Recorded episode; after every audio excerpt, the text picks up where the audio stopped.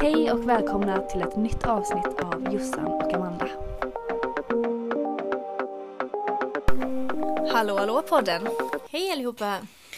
Hur har veckan varit? Hur har veckan varit? Mm. Den har varit... Den har bara varit så himla snabb. Ja. Jag vet inte var den har tagit vägen. Det Jag, känns bara, som vi har blinkat, eller hur? ja, jag vet inte. Jag försöker tänka på vad jag har gjort men... Men jag vet i alla typ- fall lite vad du har gjort. Ja, kan du berätta? För, för, för en vecka sedan så var du och tävlade en clear round hoppning va? Ja, just det. Det var på måndagen. Mm. Och sen på tisdagen kom du faktiskt hit och hälsa på. På tisdagen? Ja. Eller var det kanske onsdagen? Vad gjorde jag här på onsdag? Nej, det var i lördags. Det var på lördag, det är det jag menar. Jag var på ti- tisdag så... Det är det jag menar. Det är liksom... Ja, Alla, men det har gått för fort. alla dessa fem dagarna mellan måndag och lördag. Alltså det har bara gått superfort. Vad har hänt? Vad har vi gjort?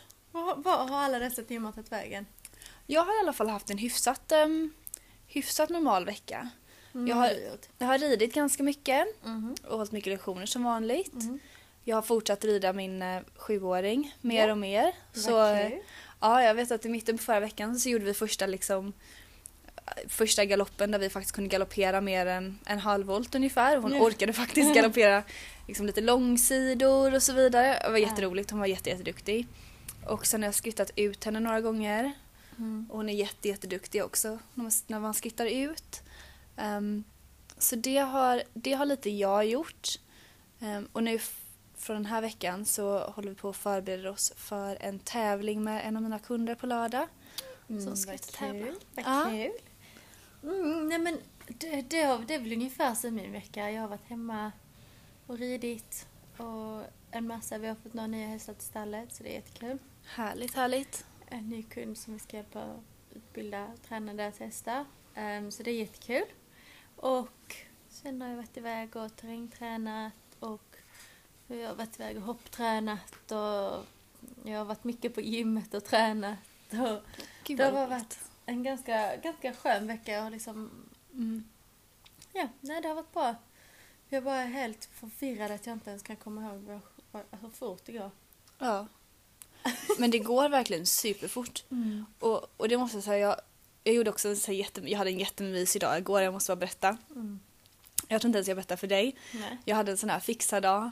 Åh, det var så härligt. Hade du byxorna på dig? Jag, nej, jag hade inte byxorna på mig, men jag hade kunnat haft byxorna på mig. Just han har såna här jättecoola hängslebyxor som jag alltid kallar hennes fixarbyxor. Ja, de, de hade jag faktiskt inte på mig. Men jag rev ut hela sadelkammaren och ehm, Gud. ja, städat upp ordentligt. Så det var, ehm, ja, det var, det var verkligen superskönt, så det är så fräscht där inne nu. Ja, vad härligt. Jag älskar det efteråt. Man bara tar ut allting, tvättar och städar allting Ja. lägger in det perfekt. Ja, men det gör jag också. Det var länge sedan jag hade en sån dag. Så, det, ja, det, så nu är det så roligt varje gång jag går in i sadelkammaren så bara åh, kolla här! Fint det, så hittar man saker som man typ hade glömt. Man hade ju gjort det häromdagen, städa min garderob. Mm. Gud, så mycket grejer. Och jag bara... Så vad jag brukar liksom, det ligger liksom, jag, jag fattar inte hur folk kan ha ordning i sina garderober. För jag tycker ändå jag har ordning men ändå så måste någonting ligga under så då glömmer man ju vad det är för att det är lättare Ja. att ta det som ligger överst. Absolut. Eller det som kommer från tvättsträcket. Ja. Liksom. Så att det är liksom samma så här rotation på fem klädesplagg typ. Ja. Och sen så bara när man städar garderoben så bara ah, men titta den här var ju snygg den här har jag inte sett på hur länge som helst. ja. Och sen eh, så ändå så fortsätter det så, så bara dagen efter bara men jag tyckte jag hade så mycket kläder. Men vad är allt nu? Vad var det jag tänkte på? Sen hittar man ingenting ändå. Men alltså det gör jag. Jag älskar att rensa garderoben. Men det skulle jag också behöva göra. Nej, det, det har jag faktiskt gjort. Gud vad Typ duktigt. en vecka sedan. Gud vad härligt. Mm. Ja men det är så skönt att ha såna dagar. Speciellt nu när det så här, solen börjar dyka fram och det är lite varmt och skönt. Och man, bara så här, man kan riva ut allting och allting kan och som du säger, man kan tvätta alla stora täcken och hänga dem Mm. ute och torka och Precis. plocka undan ordentligt. Det är jätteskönt, det tycker jag också. Men vad var det med jag tänkte på att jag skulle berätta att jag hade gjort? Du har inte varit och tävlat den här veckan? Nej, Oj oj inte på oj! hela veckan. En hel vecka Och utan vita ridbyxor. hela denna veckan heller. För jag ska åka till Sverige den här veckan. Åh vad skönt! Imorgon så ska jag flyga hem och jag ska ha en weekend hemma med familjen och kompisar och Åh, vad mysigt. Ja, det ska bli så skönt och bara... Alltså jag egentligen... Hur, jag vill typ inte åka för jag vill hellre vara... Alltså jag vill typ både åka och inte åka. Ja. Jag tycker bara om så himla... Det ser bara... Alltså det slår mig så sjukt många gånger om dagen att jag bara... Alltså tänk att jag kan göra detta. Tänk att detta kan vara mitt liv och mitt jobb. Åh. Alltså tänk att... Alltså tänk att bara kunna göra detta, vakna på morgonen och gå ut, öppna ytterdörren och sen är man hos sina hästar. Ja. Och sitta och rida hela dagen, åka och fixa. Man gör liksom allting för sig, för sig själv typ. Och Ja. bara få göra detta dag ut och dag in. Alltså det är verkligen paradiset. Jag har tänkt, Mm. alltså senaste veckan, det är nog därför jag är en sån liten bubbla typ. För det är bara allt jag har tänkt på. Hur så här sjukt det är att kunna det har liksom varit en sån dröm sen jag var liten. Innan har det liksom varit så att man går till skolan och sen kan man få åka till stallet. Och Ja. det har alltid varit så, det har alltid varit målet, den bästa stunden på veckan liksom. ja, visst. Men nu så bara, nu är det livet. Och jag, det tycker jag är allra mysigast med, med att bo på stall så är varje gång jag öppnar ytterdörren så Mm. i alla fall, jag har, jag har två stycken ganska högljudda ston och varje gång jag öppnar ytter, ytterdörren så gnäggar båda två. Och men det, alltså jag kan gå in i salkammaren och gå ut ur salkammaren och komma Mm. runt hörnet och de gnäggar. Ja. Och de är, alltså det är, man så här bara, och jag, alltså det är verkligen en så här mysig Mm. känsla. Mm, det är det bästa som finns. Det Ja. verkligen. Och det har varit en sån dröm liksom, att kunna ha det så i hela, hela, hela livet. Jag kommer Mm. ihåg typ när jag gick på ridskola och jag var sån här jag var en sån väldigt envis liten unge och jag ville aldrig någonsin så här gå hem från stallet och jag ville bara vara kvar där så länge som möjligt. Min stackars mormor fick liksom sitta och vänta. Då hade jag hittat på att man var tvungen att smörja alla, all utrustning Varenda gång man hade ridit, varenda gång. Och då är det bara jag som behöver det. Alla andra rider och går hem. Ja. Men jag vill ju stanna istället så då sa jag till mamma, "Nej, men jag, jag, vi måste, det, det, jag behöver smörja alla grejer. Så jag fick vara i stallet en timme till. Alltså det var så, det var verkligen allt i hela världen som man gjorde för att få göra det. Ja. Och vara i stallet. Och sen nu så är det liksom ens, ens jobb och ens liv liksom. Ja, det gjorde vi igår. Vi gjorde en riktig re, så här, djup rengöring av alla sadlar och träns. Och Mm. inte bara de vi använder hela tiden utan de som liksom inte blir använda. Ja. Eh, och oljat allting. Och, åh, det, var, det var faktiskt supermysigt Så igår. nice. Ja, vi hade verkligen så här riktig fixad dag igår. Det var så himla skönt. Mm. Så allting det är känns så bästa känslan efter. Ja. Det är så härligt. Jag så, här, så, och inga tävlingar denna veckan heller så du har några fixadagar då kanske igen? Nu ska jag hem imorgon. Just det, du skulle hem ja. Det har jag redan Ja, bort. så jag ska hem några dagar. Men jag har haft ganska, det har varit ganska mycket. Den här bön på den här veckan har faktiskt varit ganska fullt upp. Vi har full stall nu. Så det är mycket att göra hela tiden och Mm. ehm, liksom full mitt i säsongen så alla hästar tränas ganska hårt och sådär. Så att det, Mm. det, blir, det blir mycket att göra för killarna när jag åker bort. Ska, ska de iväg och tävla på söndag. Och jag får bara, men vänta, jag tävlar på söndag. Du kan inte åka hem. Nej. Så jag bara, "Mm, nej, varför kan jag inte åka hem för? Du kan väl gå och tävla själv? Han bara, "Nej, men vem ska knoppa hästarna? Så jag Nej, bara, men, jag bara, I don't know. han får väl knoppa hästarna själv. Ja, fast ja, för jag tycker också, men han kan verkligen inte knoppa. Eller han, jag tror aldrig, det är nog en av de sakerna jag är mest säker på att han aldrig kommer göra. Knoppa en häst. Ja, Ja, nej det kan inte vara rätt alltså. nej, och jag försöker liksom säga till vår killen som jobbar för oss, bara, att han ska lära sig knoppa, men det går inte, det går inte ner liksom, det går inte in. Nej, men det tycker jag är ganska roligt för ehm, min första pojkvän han var, han var också dressyrryttare och han Mm. kunde heller inte knoppa. Mm. Alltså överhuvudtaget. Så när vi Mm. åkte på tävlingar Mm. så um, brukade jag knoppa alla hästar Mm. om han mockade mina boxar. Mm, Det är ganska bra. Så det var, en bra, det var alltid ett bra så här, utbyte. Eh, Men han kunde liksom inte fläta eller någonting. Men så det är min, min nuvarande pojkvän, ehm, jag vet inte, han är ganska gullig men han, är ganska, han gillar så här pysselsaker. Mm. Så ehm, speciellt förra året när min, när min rygg var dålig och sådär, då brukade han fläta mitt hår och han är faktiskt ganska duktig på det så det är väl bara en tidsfråga innan jag säger kan inte du knoppa min häst? Kan inte du med det, så jag ska bara gå och rida en annan häst här. Ja, Tack. perfekt. Man får få in honom, få in en fot i hästvärlden på något sätt. Det hade varit jättebra. Nej, det här med att knoppa, det är någonting... Jag, jag fattar inte varför det är en sån grej. att- Det är ju inte svårt. Det är något av de Mm. lättaste som finns att göra. Fast jag kan förstå att det, alltså när man har lärt sig det så är det enkelt. Men att få Ja, men riktigt varför snygga... lär sig inte killar det? Nej, jag vet inte. Det är bara en sån killgrej. Bara, Nej men det kan inte jag göra. Ja, men, det är väl klart att du kan. Det är bara, du får ju bara Lära lite dig. envis och lär dig. Ja, ja, ja. Så det blir knoppskola för, em, för Raffa nu när du är borta. Nej, för vet du vad som kommer hända? Han kommer ringa till någon av någon, någon tjej, någon annans groom och säga Hej du, jag ska tävla imorgon om Amanda är borta. Skulle du kunna komma och knoppa? Jag, jag, jag, vad, vad, vad vill du ha? Och så kommer, Vad som helst. så kommer han betala någon för att göra det. Ja, men då, då, då kan han i alla fall lösa det. Ja, ja, ja men det är klart, det får han göra. Han kan inte komma till tävlingen utan knoppa. Åh, härligt. Det får vi se. Men nästa helg är det min tur. Nästa är det Och din tur. Ja, en, veck- oj, en vecka kvar. Och var ska du då någonstans? Då ska jag faktiskt till Nanny. Nanny. Nanny. Vilket roligt namn. Ja. Sen ska jag till Farley Hall veckan efter. Åh, härligt. Det ligger nära mig. Det ligger ju nära dig. Ja, dit vill jag åka och kolla Mm. faktiskt. Det får du göra. Så kan du komma och drilla mig på dressyren om du vill. Men då får vi lycka till för de helgerna då. Tusen tack.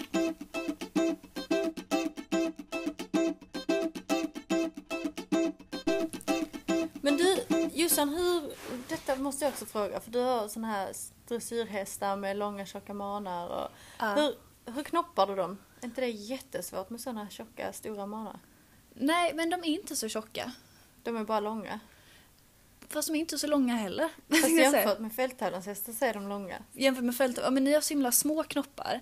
Jag gillar att ha mina knoppar, eh, men där är, tror jag att även hos dressyrryttare så är vi, alltså det är bara en så här personlig preferens, Mhm. preference liksom. Mm.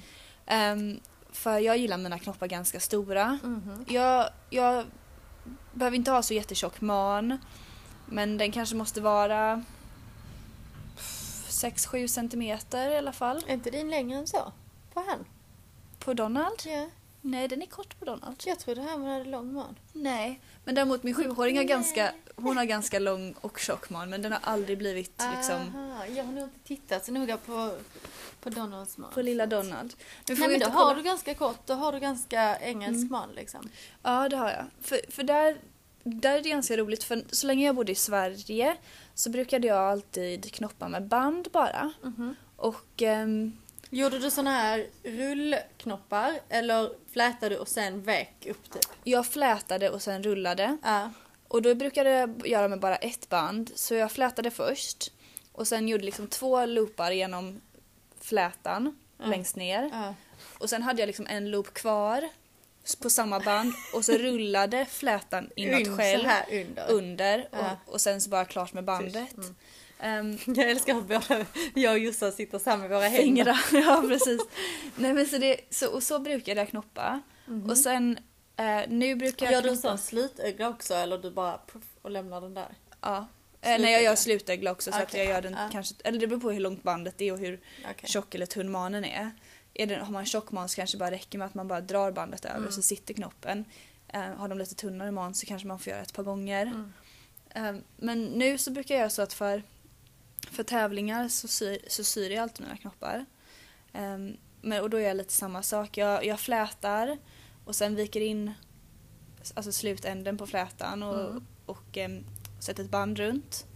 Och sen så rullar jag, sen så när jag syr så syr jag jag tar nålen, knyter en knut på änden på bandet som kanske är 20 centimeter långt. Eh, jag tar nålen ner mot, mot hästen, Mm. längst ner på flätan.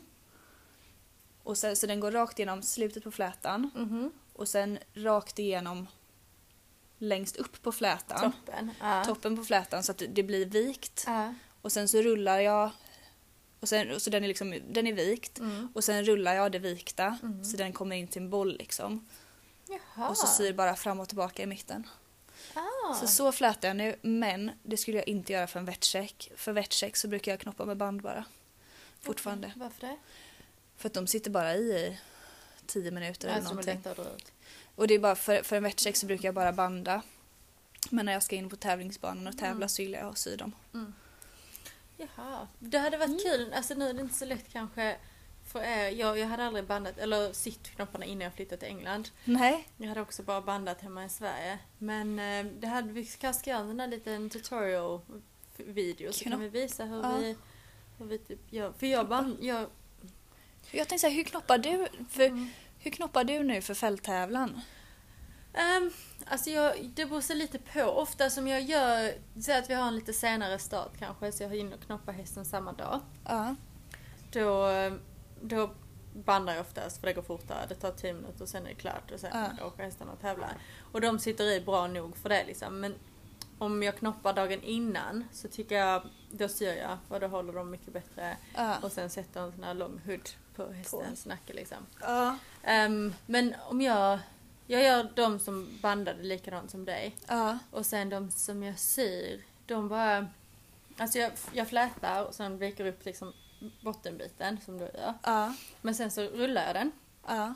Och sen håller jag bara liksom knoppen så här mellan fingrarna när den är rullad. Och sen tar jag bara tråden underifrån, rakt upp, rakt ner, rakt upp. Jag så kan upp och ner tre, fyra gånger. Mm. Och sen klipper av. Och det sitter. Utan knut och sånt. Bara på. Precis. Mm. Men och så, menar, så avslutar jag min. Mm. Jag gör ingen knut i slutet heller utan bara lämnar det. Mm. Men det är bara för att du viker din först. Men jag viker min först. Ehm, Men det gör den liksom så att den blir lite mer som en boll. Mm. Ja, ja, ja. Så ja, och sen så jag vet inte hur, för jag brukar också, också jag, jag brukar aldrig dela upp manen innan jag knoppar. Nej, inte jag heller. Utan jag börjar alltid längst upp vid öronen. Ja, och sen har en kam och så lika samma avstånd Precis. på alla. För det är det viktigaste när man knoppar, att det är samma avstånd mellan alla. Fast, det beror lite, fast i och för sig, det beror, det beror också lite på, det måste vara ungefär samma avstånd. Men där manen är lite tjockare så brukar jag göra, göra lite mer. Aningen. Ja, Mer? Mer, för knoppen kommer bli större. Ja, men varför gör du mer då? Du gör du väl mindre av kammen? Nej, det gör mer av kammen för att om, knopp, om, själva, om manen är tjockare då blir det en större boll. Så det blir Så avståndet det blir så avståndet Okej. mellan knopp, så att avståndet mellan själva knopparna det så? blir likadant. Här kör vi matte. Matte, dressyrmatte. Ja men man lär sig ju liksom efter ett tag hur, alltså hur sin häst ser ut och vart man Olika är manor tjockare. är så olika. Det är också en jag har, han har ganska tunn man precis vid öronen. Så den måste jag alltid ha lite längre för annars så blir det liksom ingen, den blir pytte, pytteliten. Ja. Så jag bara, "Åh, lite mer ut det liksom. Men okej, vidare till manar. Rycker eller, eller, rycker eller sliter? rycker eller klipper du dina manar? Äh, Jag klipper faktiskt mina manar. Ja. Hur, åh, det tycker jag verkar jättesvårt att få dem Ehm, så att det inte ser så hackigt ut. men jag klipper inte med kanske, jag brukar klippa med vanlig sax först. Mm. Och sen klipper jag med en sån trimningssax. Sån ha, halvsax. Ja precis, Okej. en halvsax. Um, så som är liksom som en kam på ena sidan och en sax på andra. Ja. Och då blir det liksom inget rakt streck. Nej, det blir lite mer alltså, li, livligt. Lite mer livligt. Nej men och sen, men där... Åh vilka ord vi har idag. Svenska. Ja, men, men däremot så, jag har, alltså jag har varit tvungen att rycka några manar. Mm. För att em, de har bara varit alldeles, jag hade en, den Lusitano-hingsten jag hade, alltså hans man var, själva mankammen var liksom kanske 8 ja, men den var säkert 8 centimeter Ah. bred, liksom basen där manen växte. Så det gick, inte, alltså det gick inte att knoppa vanliga knoppar, jag var tvungen att rycka. Och, och jag kommer ihåg just första gången jag ryckte hans man, jag stod där och ryckte, ryckte och tänkte herregud jag har dragit ut liksom en hel man nu. Och det gjorde ingen skillnad. så, em, men honom var jag tvungen att rycka manen på, bara för att tunna ut den lite Mm. grann. Men den blev ju aldrig tunn ändå. Det är bara, ju mer man ryckte ju mer man fanns Ja. det. Så, em, men däremot så jag, jag är inte sådär superförtjust i att rycka manar. Nej. Så Var rycker du svansarna på dina hästar? ja. Ja, gör man det på dressyr också? Ja, alltså jag, jag har, nu är det så att jag har faktiskt två hästar som, all, som har aldrig har gjort sina svan, som aldrig har haft sina svansar gjorda Mm. och de lämnar jag. Eh, för om de redan har en full svans, för jag, ett av stona som är här, alltså hon har en så himla vacker svans, jag Mm. skulle aldrig rycka den. Mm. Den är jätte, jättefin. Men sen har man svansar som till exempel Donalds svans, han har en väldigt tunn svans. Mm. Ehm, och den skulle aldrig växa ut på ett bra sätt. Eh, och sen var den ryckt även när jag fick honom. Ja, ja, Så då är det. Då är det var det lättare att fortsätta. Ehm, men sen så tycker jag också att men det beror lite på. Om de har fin svans behåll, så skulle jag behålla den. Har de inte det, jag tror att med mitt yngre sto så tror jag nog att om jag skulle tävla henne mer så skulle jag nog rycka, äh, så rycka svansen. Mm. Ja. Men vad gör du med svansar? Jag rycker också svansar. Och ryck, rycker du man också? Japp, japp. Jag har i och för sig lite... Jag har så ryckkniv som gör det mycket, Ja. mycket mildare. Liksom. Vissa hästar är väldigt känsliga.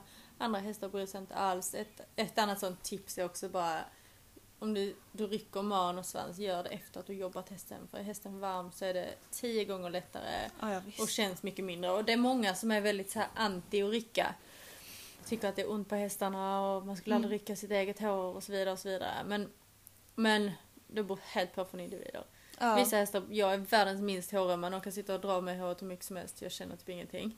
Medan andra tycker det är skitont. Så att det tror jag är så. Det beror helt på individerna. Vissa hästar älskar sina mannaryckta. Ja. Andra gör det inte. Då får man väl hitta liksom hjälpmedel. Kanske det finns ryck, olika ryckhammar och olika liksom, andra vägar runt det. Och så får man hitta något som funkar liksom. Eller om de inte har så tjock man så går det att klippa. Ja, ja men precis. Ja, men Precis, man, man får får liksom, man får hitta från häst till häst lite grann. Men jag, Mm. jag tycker i alla fall, oavsett, det är likadant med svansarna. Några hästar har jag liksom fuskat och typ, typ ryckkam och sen bara fixat med saxen. Saxen.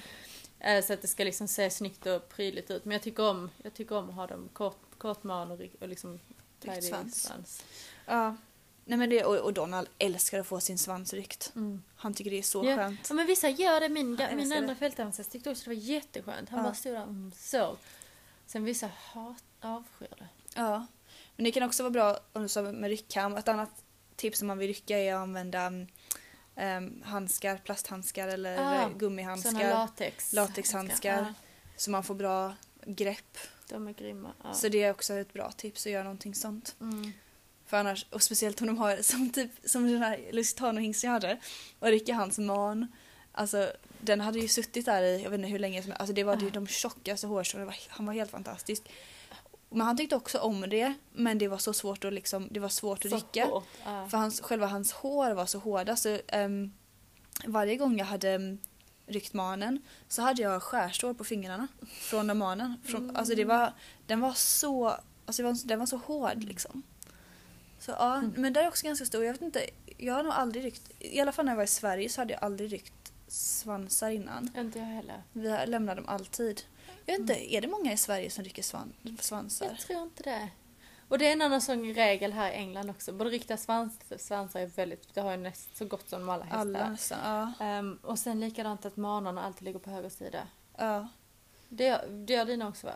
Eh, ja det gör de. Och ligger de inte på höger sida så flätar man ner dem på höger sida så att de ligger på höger sida. Ja, ja och så det jag haft jag hade två hästar i och för sig som inte hade det. Mm. Och det mm, fast i och för sig så var det i Sverige också. Vi var ganska petiga med det när jag, där jag var i Sverige. Men jag har haft två hästar som inte haft det och de har legat jättebra på vänster sida och då har jag bara lämnat dem där. Ja. Så att de inte, för, och går de på båda hållen så är det ännu jobbigare. Så jag har bara lämnat dem på vänster sida. Ja. Men det var vi ganska petiga med i Sverige också så där kan inte jag säga att jag har, det jag har har inte så himla stor skillnad. Så, nej. Och en annan grej jag också måste fråga. Ja, Också måste fråga. ja. Som innan jag inte, jag hade var väldigt anti när jag bodde hemma och raka mularna på hästarna. Och det gör jag aldrig. Inte jag heller, men så många gör det här i England. Ja, men man får faktiskt inte, enligt lag får man inte göra det i Tyskland. I. Tyskland är det olagligt, eller hur? Så, ja, så det är olagligt i Tyskland. Så om man ska till Tyskland och tävla Mm. då får man inte ha klippt några av de känselhåren på Mm. mularna. Inte i öronen. Mm. Ehm, så man får vara jätteförsiktig när man kommer dit. För ser de att du har gjort det, Ah. då ajabaja. Ajabaja. Nej men jag visste, alltså för det var det jag också alltid hade fått liksom inmatat. Men sen, och det kan jag också förstå, men sen det är väldigt, väldigt, väldigt, väldigt många här som, som Som trimmar. gör det. Mm. Ja, det gör de. Men jag skulle aldrig trimma deras känsel, Mm. känselhår på mularna. Mm. Det tycker jag att de kan få ha kvar. Ja. De stackars små hästarna. Ja, ja, ja. Nej men det är intressant för det är vissa sådana här grejer som är så himla stor skillnad.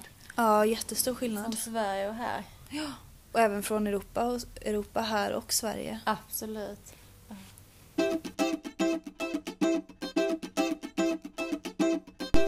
Så, tillbaka efter ytterligare en liten paus.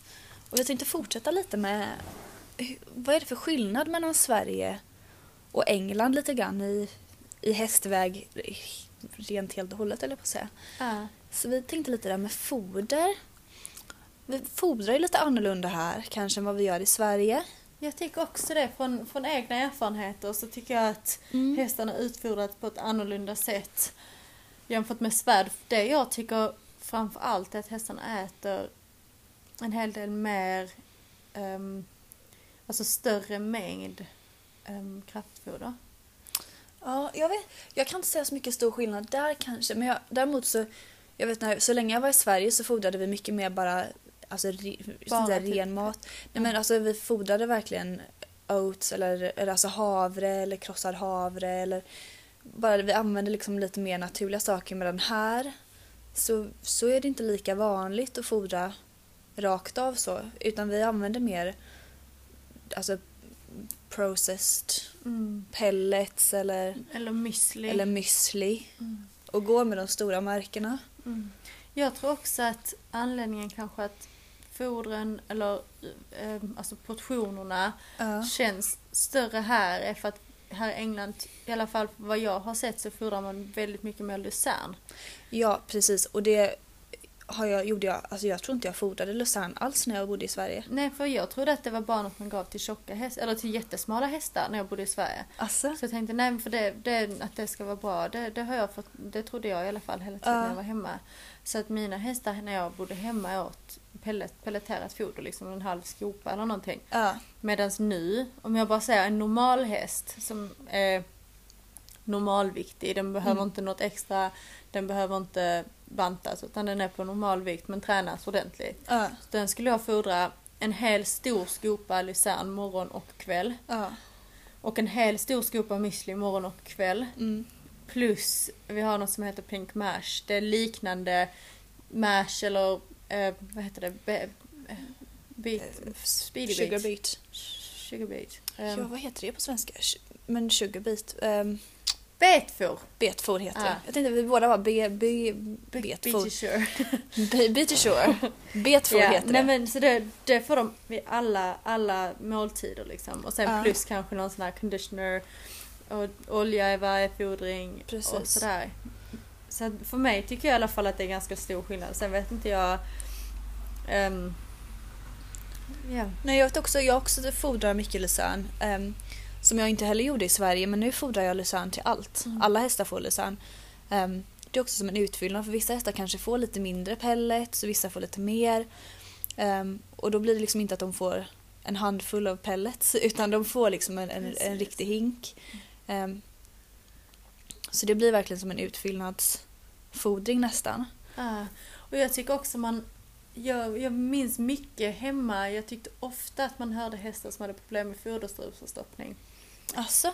Um, att, nej men att det var hela tiden i, i, snack, i snack om foderstrupförstoppning, att hästar äter torrt, torra pelletsbitar liksom. Och Ja. att de lätt, om de är för ivriga, de får kanske inte så mycket mat, Mat. så de äter det väldigt fort och det Mm. tar stopp. Medan jag tror det är också någonting vi blötlägger, i och med att mashen är blöt, så får Ja. hästarna alltid sitt foder blötat och lucernet så de måste alltid stå och tugga ganska länge för att få Mm. i sig maten. Och det tror jag, jag har bara en positiv, positiv upplevelse från fo- utfodringen här. Ja, jag kan faktiskt inte säga att jag har någon, alltså jag kan inte säga att jag har någon, har märkt någon speciell skillnad från här och från i Sverige. Eh, men så jag tänkte också säga samma sak här. Jag blötlägger alltid mitt foder. Jag tar nästan en, en skopa, en foderskopa vatten i varje, i varje foderhink så det blir rätt blött. Mm. Um, också samma sak där, det de kanske inte sätter halsen så enkelt. Så. Förlåt för det. Pappa. Ja, nej men, så, nej, så det, men jag kan inte säga att jag är något positivt. Det är bara, det är bara, det är bara lite skillnad jag tror att det är vad man är van vid. Ehm, Så där lärde man sig också ganska mycket. Som skillnaden. Precis. En annan grej jag också har tänkt på när det kommer till grovfoder Ja. är att här... Jag vet, alltså jag vet inte om detta beror på... äh, Detta, detta är min personliga... Det är likadant med de andra utfodringsgrenarna. Det är min personliga erfarenhet. Så Ja. det är inte så. Jag säger inte att det är så här och så här i England och så här i Sverige. Utan detta är mina erfarenheter Mm. från där jag kommer ifrån. Också att hästarna får mer, mer grovfoder här. Eller Mm. inte mer, men jag kan, ska inte säga mer grovfoder men i alla fall mina hästar har alltid tillgång till antingen är de ute på gräs. Vi har en häst som sover inomhus, alla andra hästar Mm. bor ute om nätterna. Äter gräs hela natten. de har liksom alltid tillgång till att stå och tugga. Ja, Medan innan, och det är samma, vi, vi, Ja, nej jag vet, jag vet inte, jag men tycker det, att det är också så, jag vet också, jag kommer ihåg att det var mycket, ja men jag kommer ihåg att det var mycket så, men den här hästen ska ha så här många kilon, den här hästen ska ha så här många kilon. Mm. Men det kanske också, jag vet inte om det kanske är att vi har rikare hö och hösilage i, Det kan det också vara. i Sverige, Mm. att det inte är lika, att det inte är lika alltså, starkt eller rikt här. Mm. För jag har också, alla mina hästar har alltid fri tillgång. Mm. Ehm, men det är också, jag har inte några hästar som är särskilt tjocka. Precis, för det kan det också vara. Och sen tror jag också det är skillnad typ om man står som här då. Där här kanske vi, där slänger vi liksom in kanske si och så många eh, kakor av höet liksom. Så Ja. att det ska räcka. Medan har man, står man på ett stall där man kan betala för si och så många kilon om dagen. Ja, då, då måste man vara mer, alltså det, Ja. det är det jag menar. Därför tror jag också att just när det kommer till de mängderna. Men däremot så tror inte jag att det hade, alltså själva hästhållningen som både du och jag har här, jag tror inte att vi hade ändrat på den även om vi hade varit i Sverige. Det tror inte jag heller. Men fast på ett sätt så hade jag. För att där jag hade mina hästar i Sverige så hade vi inte alls tillgång till samma utevistelse. Nej. Och nu har vi jättestora hagar. Hästarna lever ute. De kommer in på morgnarna, fodras, rids och sen släpps de ut på eftermiddagen. Så de är Ja. ute så gott som alltid. På lediga dagar så är de ute. De går ute flera hästar tillsammans. Och, Mm. och det, så, hade inte, så hade jag inte möjlighet att hålla mina hästar hemma i Sverige. Så, vi hade också, där jag var i Sverige hade vi jättestor utgång till, Ja. till hagar. Hästarna var alltid ute. Eh, Men här, den gården jag är på nu, där har vi inte alls lika stor, där inte jag lika stor tillgång till hagar. Mm. Em, Alla hästar är ute men de blir kanske ute fyra, fem timmar per dag. Em, Nu i alla fall när det är fint väder, när det är spöregnar så brukar de, då brukar de stå och gnägga vid grinden Mm. efter två timmar och bara så här, Kan du snälla ta in mig nu? Em, men där, så där har också blivit lite skillnad. Men sen tror jag också för att jag har, inte, jag har, jag har bara fem boxar här. Mm. Så det blir att jag, man får så mycket tid per häst. Så det blir mycket så här, "Va, nu står de och vill komma in, då får de komma in nu. så det blir så mycket mer Mm. Personligt så. Ja, och detta tror jag också är en sån grej. Det handlar, man kan inte säga att det är svenskt eller engelskt utan någonstans så handlar det mer om vad man har för förutsättningar liksom hos, till sina hästar och sådär. Och Det är också en stor skillnad vad gäller hästhållningen tycker jag när man, när man gör hästar från morgon till kväll eller om man, Ja. som när man gick i skolan. Det var ett helt annat upplägg för att rent praktiskt så gick det inte att få ihop på andra, Nej, något nej, annat sätt. Medan nu kan man nu kan man vara mycket mer flexibel med tider och så vidare och så vidare. För Ja. att det, det, Ja, det enda vi gör, alltså det, hela våra liv går ut på att göra hästarna så bra som möjligt. Typ. Så att, Ja. ja, ja visst. Nej, och sen också, men däremot en annan grej som faktiskt skiljer sig från Sverige till England som jag har märkt är att eh, tävlingsreglerna är mycket mer strikta i Sverige än vad de är här. de är striktare i Sverige. Ja. Ja. För jag, jag kommer ihåg när jag bodde i Sverige så var vi alltid tvungna att visa pass och vaccination innan vi fick lasta ur hästen. Jag vet Just. inte om det fortfarande är så. Ehm, Mm. Och att de när vi lastade ut så är de tvungna att ha träns Ja. med nummer. Mm. Ehm, medan här så behöver man inte visa pass alls. Vi brukar faktiskt, i alla fall detta året efter den här influensan, så har vi varit Ja. tvungna, inte, inte nödvändigtvis innan vi lastar ut, men innan när vi startar med Innan hästarna, då behöver vi visa vaccination. Ja. Så det- Nej, det behöver inte vi göra. Det finns vissa tävlingar som också har börjat med det nu. Vissa Mm. tävlingsplatser har börjat med Mm. det det senaste halvåret. Men det är bara vissa tävlingsplatser, det är inte obligatoriskt. Okej. Ehm, och visa pass överhuvudtaget. Och sen kan man liksom lasta ur i Grimma utan nummer. Alltså det är helt annorlunda. Aha. Och och jag vet också på, men på internationella tävlingar så får man ju lasta ur i Grimma om man har nummer på. Man får ju Mm. ha hästarna i Grimma om man har en nummerlapp på. Ja. Ehm, så det är också, där är också lite skillnad vad som skiljer sig från internationellt till, Mm. till svenska regler. Mm. Ehm. Jag, kommer ihåg, jag kommer ihåg så väl, jag fick en sån chock första gången jag kom till en tävling här i England. Då Ja. hade jag varit, för jag bör, när jag flyttade till England i november, precis efter säsongen. Ja. Och sen var jag, här jobbade jag här under vintern och sen i mars någon gång åkte vi ut på första tävlingen. Och det var en av de här helt galna dagarna. Vi hade tio hästar med oss. Åh, herregud. Och det var så fruktansvärt kallt och lerigt. Och det var verkligen bara en sån, att det var, jag var jätte så här, första tävlingen och här och så här, det var jättespännande. Men jag fick en sån chock liksom och bara se, du vet vi kom dit med tre lastbilar. Och hela då Team Price liksom. Ja. Och det är inte så att nej, men den här hästen är först, då tar vi av den som jag är van vid i Sverige. Då tar vi av den med träns, gör i ordning den, någon står och håller, Ja. du vet så här. Utan alla hästar av lastbilen, Ja. knöts på lastbilen, runt hela lastbilen. Jaha. Och så står de bara där. Och så åker vi ut last, ur liksom inuti lastbilen. Och sen så bara, här, nu är det dens tur, men då går vi och sätter dressyrsal på den. Och sen springer vi och sätter hoppsal på den. Och så går det liksom bara såhär, ding, ding, ding, ding, ding, ding, ding, ding. Tio hästar, dressyr, hoppning, terräng. Åh, oh, hjälp! Och jag bara, bara den här, hela den här cirkeln, bara det faktum att man faktiskt kunde binda, och hästarna är ju så vana vid detta. De står och sover utanpå lastbilen. Ja. De rör inte en fena. De Nej. bara står där och bara sover liksom. Åh. Utom, utom, jag vet inte, åh, det var en sån här film på, den var på, jag vet inte om det var på Hipson eller tidningen Ridsport eller vad det var. En häst som tar av sig grimman och går och käkar gräs. Har Ja, sett just den. det. Det är en av Geneas hästar. Nej. Jo, Marley heter han, eller Cloud Dancer. Och han, eh, han gör alltid det. Alltså han vet precis, han står så, lägger grimskaftet över Ja, grimman och så drar han av grimman och så springer han bort och käkar. Det har hänt Så busigt. hundra gånger. Eh, Men annars så är de alla så himla coola och lugna. Du vet likadant efter terrängen typ så kanske medans man isar dem så står de bara och käkar gräs liksom och de, bara, de är så vana vid att det är liksom allting är så himla avslappnat runt dem. Det är, inte, det är ingen stor chock om det är en häst som står utan att någon håller i den och du vet såna här Ja. grejer. Det är väldigt, väldigt lugnt och det smittar av sig så mycket på hästarna.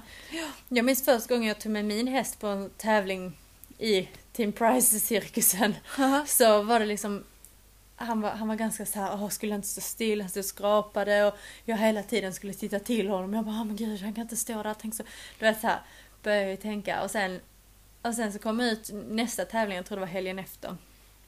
Och han bara precis hade kopierat alla andra hästar och han bara stod där, vi tar varandra från lastbilen jag bara, åh, undrar hur han ska vara idag. Och så bara ställ, knyter vi upp honom utanför lastbilen och där står han och sover hela dagen. Och så går vi, gör jag ordning honom för att rida. Han bara okej, kommer tillbaka, knyter tillbaka honom. Och så, Åh, de, de kopierar varandra så himla mycket. det, är så, det är så skönt när de gör det. Det är så skönt. Och hur, då? du, du, sa, du nämnde också med fälttävlan att eh, ni har wetchecks här. Nej, det är det vi inte Ni har. har inte wetchecks Men det här? har man i Sverige. Ah, så åt andra hållet. Ja. Så ni har alltså upptravning i Sverige? Oavsett nivå tror jag i alla fall. Oavsett om du har en P70 eller en två, nationell tvåstjärnig så tror jag att man, i alla fall så här kommer jag ihåg det. Att man gick då med hästen, trava upp för veterinär innan man fick lov att gå terrängen tror jag. För att men jag tror man fick reda dressyr och Ah. hoppning och sen var man tvungen att trava upp dem så de inte var liksom sunda. Mm. Men här i England så gör man aldrig det. Nej, jag tänkte så vi har inte upptravningar. Här i England har vi inte heller upptravningar. Är det en lång, är det en lång internationell tävling då gör man det. Men till och med på korta internationella tävlingar så kommer man så när man kommer till dressyren och ska Mm. börja rida fram så måste man gå fram och liksom anmäla att man är där, visa pass, kolla de chipnumret på häst och sånt där. När det är internationellt och då så, när, även när man sitter på så bara ber de en att trava upp, alltså uppe på hästen, trava Ja. 10 meter och de bara ja det är bra. Alltså det är ganska skönt att göra det så för jag vet så många hästar som inte kanske är sådär jättelugna på veterinärbesiktningar. Ja. Jag kan sätta var- upp handen för mig själv och säga att det är inte alltid så enkelt. Och det är liksom ett moment till. Det Mm. underlättar särskilt tror jag också med antalet starter som man har här. Det är liksom, det finns inte riktigt, alltså det, det är ett moment till som ska hinna, Man ska hinna med. som man ska få med liksom. De säger om det är någon, om det är en häst som inte ser bra ut till exempel på dressyren så säger domaren till och då händer, Ja. alltså då, för he, domaren ser ju hästen på dressyren, skulle det då vara någonting och det finns folk utsatta på framridningarna och sånt där och skulle någon säga att det är en häst som inte ser fräsch ut Precis. så skulle de, säger, man, säger de ifrån liksom. Så att någonstans tror jag bara att det, spar, det sparar mycket på energi och tid. Absolut. Men, men. Absolut. Fast sen tycker jag i och för sig, oj, är, det, är vi kvar? Ja. Nej vi har massa tid. Sen eh, tänkte jag också en grej ehm, på när det är de långa formatet på tävlingar Ja. och de liksom stora klasserna som är tredagars tävlingar då har man, då har man riktig veterinärbesiktning. Både innan tävlingen börjar inför grand jury Ja. och innan sista dagens banhoppning. Ja. Och det, det är för sig ett väldigt roligt moment också för att det är nästan som det blir nästan som en fem tävlingar. Först trot-tap, sen dressyr, sen terräng, sen trot-tap och sen hoppning. Ja. Men du, det vill jag göra på ett avsnitt förresten, bara för att jag avbryter. Mm. Men jag skulle vilja gå igenom alla de här olika formaten för fälttävlan. För de, de har precis ändrats också det här Ja. året. Så, men jag tror att vi kanske behöver en egen liten del för det. Ja. För det är rätt invecklat. Men det har varit roligt att få det verkligen förklarat. Absolut. Och du, detsamma. För ni era dressyrklasser här i England, jag har ingen aning om vad ni pratar om. Vi satt precis och käkade lunch här med en, en tjej som också har häst här på Jossans stall. Och de satt och snackade om sina dressyrklasser och jag har ingen aning om vad någonting är. Så jag bara, ja, nej, men det låter ju- Hon bara, "Ja, min häst gör detta och detta. Jag bara, men vad bra! Bra för dig! Jag har ingen aning vad det betyder men... Vilken, ja precis, vilken Ja. nivå. Nej men det kan vi väl göra. Om, ehm, Ja. och det tänkte jag också, om ni har några frågor om eh, klasser och så vidare, skicka in det. Ehm, för då kan vi kanske gå igenom det nästa gång. För jag hade tyckt att det var Mm. superkul att, att lära mig lite mer av Bara för att få lite mer... struktur på det. För jag tyckte att jag hade lite, stru- jag tyckte att jag hade lite koll. Och sen fick man en så här fint mail där bara, ah, nu har allting ändrats. Mm. Bara, Nej men, jag hade ju precis lärt mig, kan vi inte hålla det så här? Så eh, det har varit jätteroligt om vi kunde få en Ja, lite mer förklaring. det tycker jag vi tar nästa veckas avsnitt. Ja, då gör vi absolut det. Klart.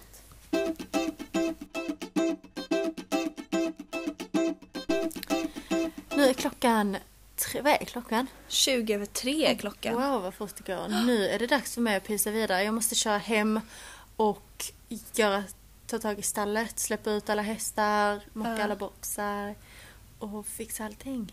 Och sen ska jag faktiskt packa min väska Sverige. Vad ska du göra i eftermiddag?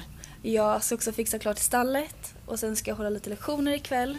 Mm, vad kul. Och sen ska jag inte packa och åka till Sverige.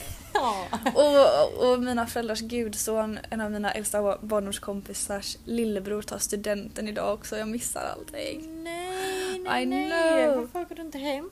Ja, det har varit, alltså man blir borta så mycket ändå runt omkring hästarna att går, man kan bara vara borta så mycket. Så det gick tyvärr inte den här gången men det har varit så kul att vara där och alla är där och firar idag. Hoppas Och man känner sig så, när det är sådana stunder när man har flyttat utomlands och hela familjen, typ mamma och pappa och hela släkten hade sån här stor familjegrej Ja. inte så länge sedan. Och jag, kunde inte, jag var inte där, men så ringer de så på Facetime och alla är där och jag, vill bara, jag ville bara så här telepatera mig Ja. själv dit. Jag bara, åh vad jag saknar detta. Ja, men jag kollade seriöst Mm. på biljetter och åka typ idag lunch Ja. Och sen åka tillbaka typ imorgon bitti ta första flyget. Men jag bara, det kommer inte funka, det kommer inte gå ihop. Men eh, Precis. Nej, man vill typ vara överallt och ingenstans. man vill vara överallt på samma ställe. Det hade varit skönt om man hade kunnat klona sig själv. Det hade varit helt underbart många gånger. Du vet vi också kom på nu att jag tycker vi ska snacka om i nästa avsnitt. Ja. Det är faktiskt så att det är sommar. Även fast det pissregnar ute och det är grått. Så är det juni. Ja. Och jag tycker det har varit jättekul att köra typ ett avsnitt med grejer som vi... Vad vi ska göra i sommar. Våra sommarplaner. ja, men då kör vi sommarplaner och nivåer på fälttävlan och dressyrklasser. Då kör vi nästa vecka. Härligt, härligt. Då ses vi nästa vecka. Då ses vi nästa vecka. Ha det så roligt i Sverige. Tack, det ska jag. Ha det så bra. Hej då! Hoppas att ni gillade veckans avsnitt. Har ni några frågor eller liknande så är ni varmt välkomna att mejla in till Jossan och Amanda at gmail.com. Ha det bra! Ha det så bra.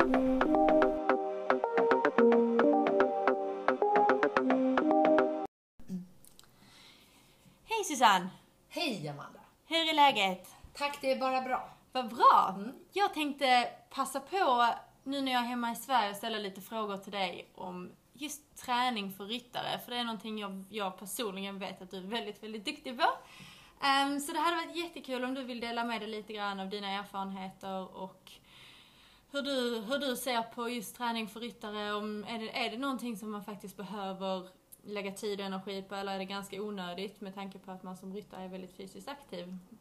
Mm, det är det man kan tro, men jag tror att det är oerhört viktigt att man lägger tid på sig själv och på sin egen träning. Man lägger ner så mycket tid på att man ska ha hästen i rätt form och träna upp kondition, styrka, rörlighet och allt. Och det borde man göra på sig själv också. Mm. Och visst som du säger att man tränar upp sin fysiska förmåga ganska så bra ihop med hästen och allt jobb i stallet. Men det räcker inte har vi ju sett de sista kanske 20-25 åren. För det är ju ändå många ryttare, till och med elitryttare som får sluta på grund av förslitningsskador i knä, i rygg. Så att jag tror vi får ta åt oss av det, precis som vi fått göra med golfen. Att det har ju blivit så mycket bättre med att vi måste träna upp oss. Alltså måste med stora bokstäver. Ja. Och sen låter ju måste negativt, men det kan ju vara kul också att känna att man blir stark. Så jag tror att det är viktigt Absolut. först och främst med kanske en god allmän träning. Mm. Både då för att du ska kunna prestera bättre som ryttare och ha mer rätt inverkan på hästen. Ja. Så att den liksom blir bra tränad. Men också själv för att undvika att få skador som kanske kommer annars. Ja, för att man hela tiden snedbelastar eller sådär. Ja, på man, ett eller annat sätt. Ja, Och då är det ju viktigt kanske att man har, jag brukar säga att man har en bra god styrkebalans. Det vill säga att är, man är lika stark fram och baksida, höger vänstersida. Mhm. Så att man är jämn, alltså man har harmonisk styrka och rörlighet i kroppen. okej. Hur, hur vet man om man har det? Hur kan Ja, man det, träna det, upp kanske, det kanske man inte alltid vet, men jag skulle rekommendera att man kan gå till en naprapat, framförallt även naprapater, även Mm. vissa kiropraktorer, som kan göra olika, även fysioterapeuter som är inriktade lite mer på idrott och elitidrottare. Okej. Och det kostar inte så mycket att göra en sån scanning för att se om man är jämn eller om man behöver liksom lägga till, förbättra på ena eller andra sidan så att, så att man blir jämn i kroppen. Det är nog grund nummer ett. Ja, men det borde man ju kunna testa lite grann själv också med lite fantasi. Det är till och med om man bara har en kompis som kan säga okej nu ska jag trycka upp detta benet i denna vinkeln och det andra benet. precis. Och bara säga okej det är ganska enkelt egentligen borde det ju vara. Det, Jo, det, det, det finns jättemycket böcker. Man kan gå in och googla, man kan gå in på Youtube och kolla jättemycket med olika rörlighetstester och styrketester och sånt hur man kan göra. Och visst märker man ganska snabbt också. Absolut. Och se där man behöver träna. Men just det är ganska, för väljer man då att gå på gym eller som ryttare så kanske man inte har tid att gå på gym. Man kan ha en liten hörna hemma. Med lite petflaskor som man har sand i eller vatten i. Och man kan ha en pilatesboll, ett fantastiskt redskap. Där man kan träna både styrka och jättemycket rörlighet. Och sist men inte minst, balansen är ju jätte, jätteviktig här. Ja. När man tränar upp den. Och det är ett perfekt redskap. Lite gummiband, kanske någon liten matta. Sen är man hemma. så har man då varit i stallet en hel dag och ridit tre sommar, liksom kanske värmen och det i kroppen så man är ganska bra uppvärmd, då kan man bara komma hem direkt. Mm. Dra av sig lite ridkläder och sen köra på med nästa lilla pass. Ja. Vad, vad kan man, hur ska man lägga upp de passen? Jag menar om man inte vet, om man inte kan så mycket om träning och sådär. Har, vet du någonstans där man kan hitta bra inspiration för att lägga upp små träningspass eller, eller sådär bara för att veta var man ska börja, vad man ska göra för någonting? Man kan säkert, jag har faktiskt själv gått in, jag har ju mycket ryttarfys för ryttarna ibland för man ska få lite inspiration så kan man bara gå in och söka på Youtube Okej, och ja. så skriva ryttarfys eller träning för ryttare så kommer det upp en hel del övningar. Ja, ja, det är jätte, jättebra. För Och det, jag vet att ridsport hade, om det var förra året, hade de en hel serie där man skulle kunna träna och det var faktiskt ganska enkelt. Där kunde man till och med träna alla de här övningarna i stallet efter man har ridit över direkt. Hästen är klar och så kunde man då köra lite. det är Så man, man jättebra. kan göra det ja. väldigt enkelt. Ja. Men sen tror jag också att man ska nog inte bara rida. Det, det är fantastiskt bra att rida för kroppen på alla Mm. sätt. Men om man håller på och rider många hästar om dagen så bör man se till att du kanske kan löpträna.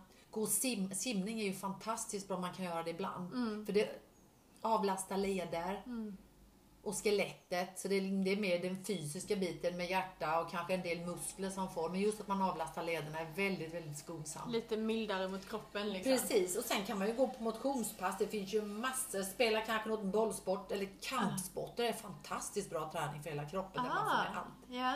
Så att man har variation. Jag tror, vi är ju så noga med att vi har variation för våra hästar. För att de ska tycka att det är kul och för att kroppen ska få och framförallt för att de ska ha hållbarheten. De ska hålla för oss. Och det är precis likadant tänkt med oss själva. Ibland glömmer vi bort oss lite där. Och vi är jättenoga med hur hästarna ska äta. Och ryttarna ibland kanske med kosten. vet man ju också då att man kanske inte är så Absolut. noga med. Vilket också är jätteviktigt. Ja, en grej som jag börjar tänka lite grann på sista tiden nu, det är att precis som att vi har varje dag i stallet så skriver vi upp listor på vad alla hästar ska göra. Så vi skriver hästarnas namn och sen häst, jobbet för dagen. Liksom. Hoppning, uteritt, vad det nu kan vara. Och sen låtsas jag alltid att jag själv är en häst. Så bara, jaha, Amanda, vad ska hon göra för träning idag? Ja, men idag ska hon göra yoga, idag ska hon göra löpning. Så att man, Ja. Precis, jag skulle aldrig inte rida ut en häst för att jag inte orkade. Men varför skulle jag då inte gå ut och jogga en runda för att jag inte orkade? Det är Nej. precis lika viktigt, men det... Precis, och det, det är jättebra det du säger. För det gäller ju att man får rutin Precis. på det. Och det är lika viktigt att man får rutin för hästarna, så är det rutin för dig själv. Både med din träning, med din kost och med din sömn. Ja för, för går man tillbaka till träning så man kan ju kolla lite själv och se, det här den allmänna träningen vi pratar om så kan man gå in på lite mer grenspecifik träning och se, ja men kan man inte hålla positionen hela tiden på hästryggen när man rider? Hästen drar det lite så åt ena hållet eller liksom bakåt eller framåt. Ja men då är det bara bålstyrkan du behöver träna på. Då är det fram och baksida av bålen, alltså överkroppen. Ja. Orkar man inte rama in hästen med skänken och hålla den där man vill ha den när man ramar in den, ja men då är det benen du behöver träna på. Fram och baksida ben, in och utsida och rumpa. Och har man då svårt att samordna hjälperna och det kanske man mer märker sen om man rider för någon och de säger oh, man tycker gud den tygen där och höger och vänster och alltihop sånt där så man har problem lite med det. Ja men då är det bålstabilitet och koordination. Så man kan Ja. lika lätt som du sa, man kan göra lite check sånt där själv och se vad man behöver. Ja, absolut. Och vara lite... Jag tror också det är viktigt att man bara påminner sig själv om det och faktiskt är medveten om, om just dessa bitarna. För det är ganska lätt annars att bara ignorera det liksom och tycka att nej, men hästen är si och hästen är så. Och det var liksom, jag minns himla väl också bara på en träning, jag hade varenda halt jag gjorde på medellinjen så ställde sig hästen snett. Och jag bara, "Åh, dumma häst liksom, varför ska du varenda gång så sparka till med skänken? Och så sa min tränare, men du, så där kan du inte göra. Du måste, du sitter för det första, sitter du inte ens rakt i sadeln. Så sätt nu rakt i sadeln och se till så du själv är jämn. Och sen prova igen. Hästen stod spikrak. Ja. Jo men det är precis Och det är precis samma sak. Precis, det är det Ja. det handlar om. Att om är du då välbalanserad i kroppen och har harmoni med styrka fram och baksida och sitter rakt över hästen och det är du och har rätt inverkan vid rätt tillfälle på hästen så är de helt fantastiska och känner av. Men likadant, har du någon, någon snett eller någon felbelastning, om man har ont i ett knä eller något sånt där så blir det lätt att man avlastar lite och kanske belastar ena sidan lite mer. Tjoff, det går ner direkt på hästen. Och man får som ett brev på posten. Och det måste man vara medveten om. Och så kanske man då tänker själv, oj jag är så dålig, jag kan inte. Men alla, alltså elitryttarna på högsta nivå tänker likadant. Och måste träna, liksidig träning. Ehm, så det, och sen tänker jag också på det här med kondition. Det är ibland kanske man glömmer bort, men det är inte så dumt att lägga in lite löp eller cykelpass eller simningspass för att man självklart ska orka med all sin ridning. Men allt stalljobb som allt innebär med så att man inte är så trött jämt. Men framförallt när man ska ut på täv, på meeting och sånt där, man orkar hålla fokus och hålla koncentrationen. Där har vi vår konditions... Och det är precis likadant med hästen. Den behöver alltid ha lite mer än vad som krävs för arbetet man utsätter den för. Ja, ja absolut. Så att man, man tänker så också. Mm, nej, det är en jättebra poäng just det här när man ska koncentrera sig många dagar i sträck. Man har långa, långa dagar. Även om man ska tävla, kanske starta klockan nio på morgonen, så är man oftast uppe vid fyra ändå. För man ska till stallet, man ska göra i hästarna, man ska fixa i ordning stallet, man ska köra hela vägen, man ska gå banan. Man ska värma upp och sen ska man göra sitt jobb liksom. Det har Ja. redan varit en ganska lång dag Ja, innan klockan ja. är nio. Så att, det, det är jätteviktigt. Och, och det är ju inte, det är inte kul heller att känna att man blir så trött. Jag tycker det är en oerhört tillfredsställande känsla att känna att jag orkar. Ja. Och det är samma, men jag menar oavsett vilken gren man gör så då kan jag ju prata som fälttävlansryttare. Om man har kommit halva banan och redan känner att man har mjölksyra i benen. Ja. Då kan man ju inte rida alls så bra som man hade kunnat göra om man hade varit stark nog. Nej, och då kanske man inte gör hästen rättvisa riktigt heller. Precis, precis. Ja, det är väl det kanske. Sen vill jag ju slå ett extra slag för yogan kanske också.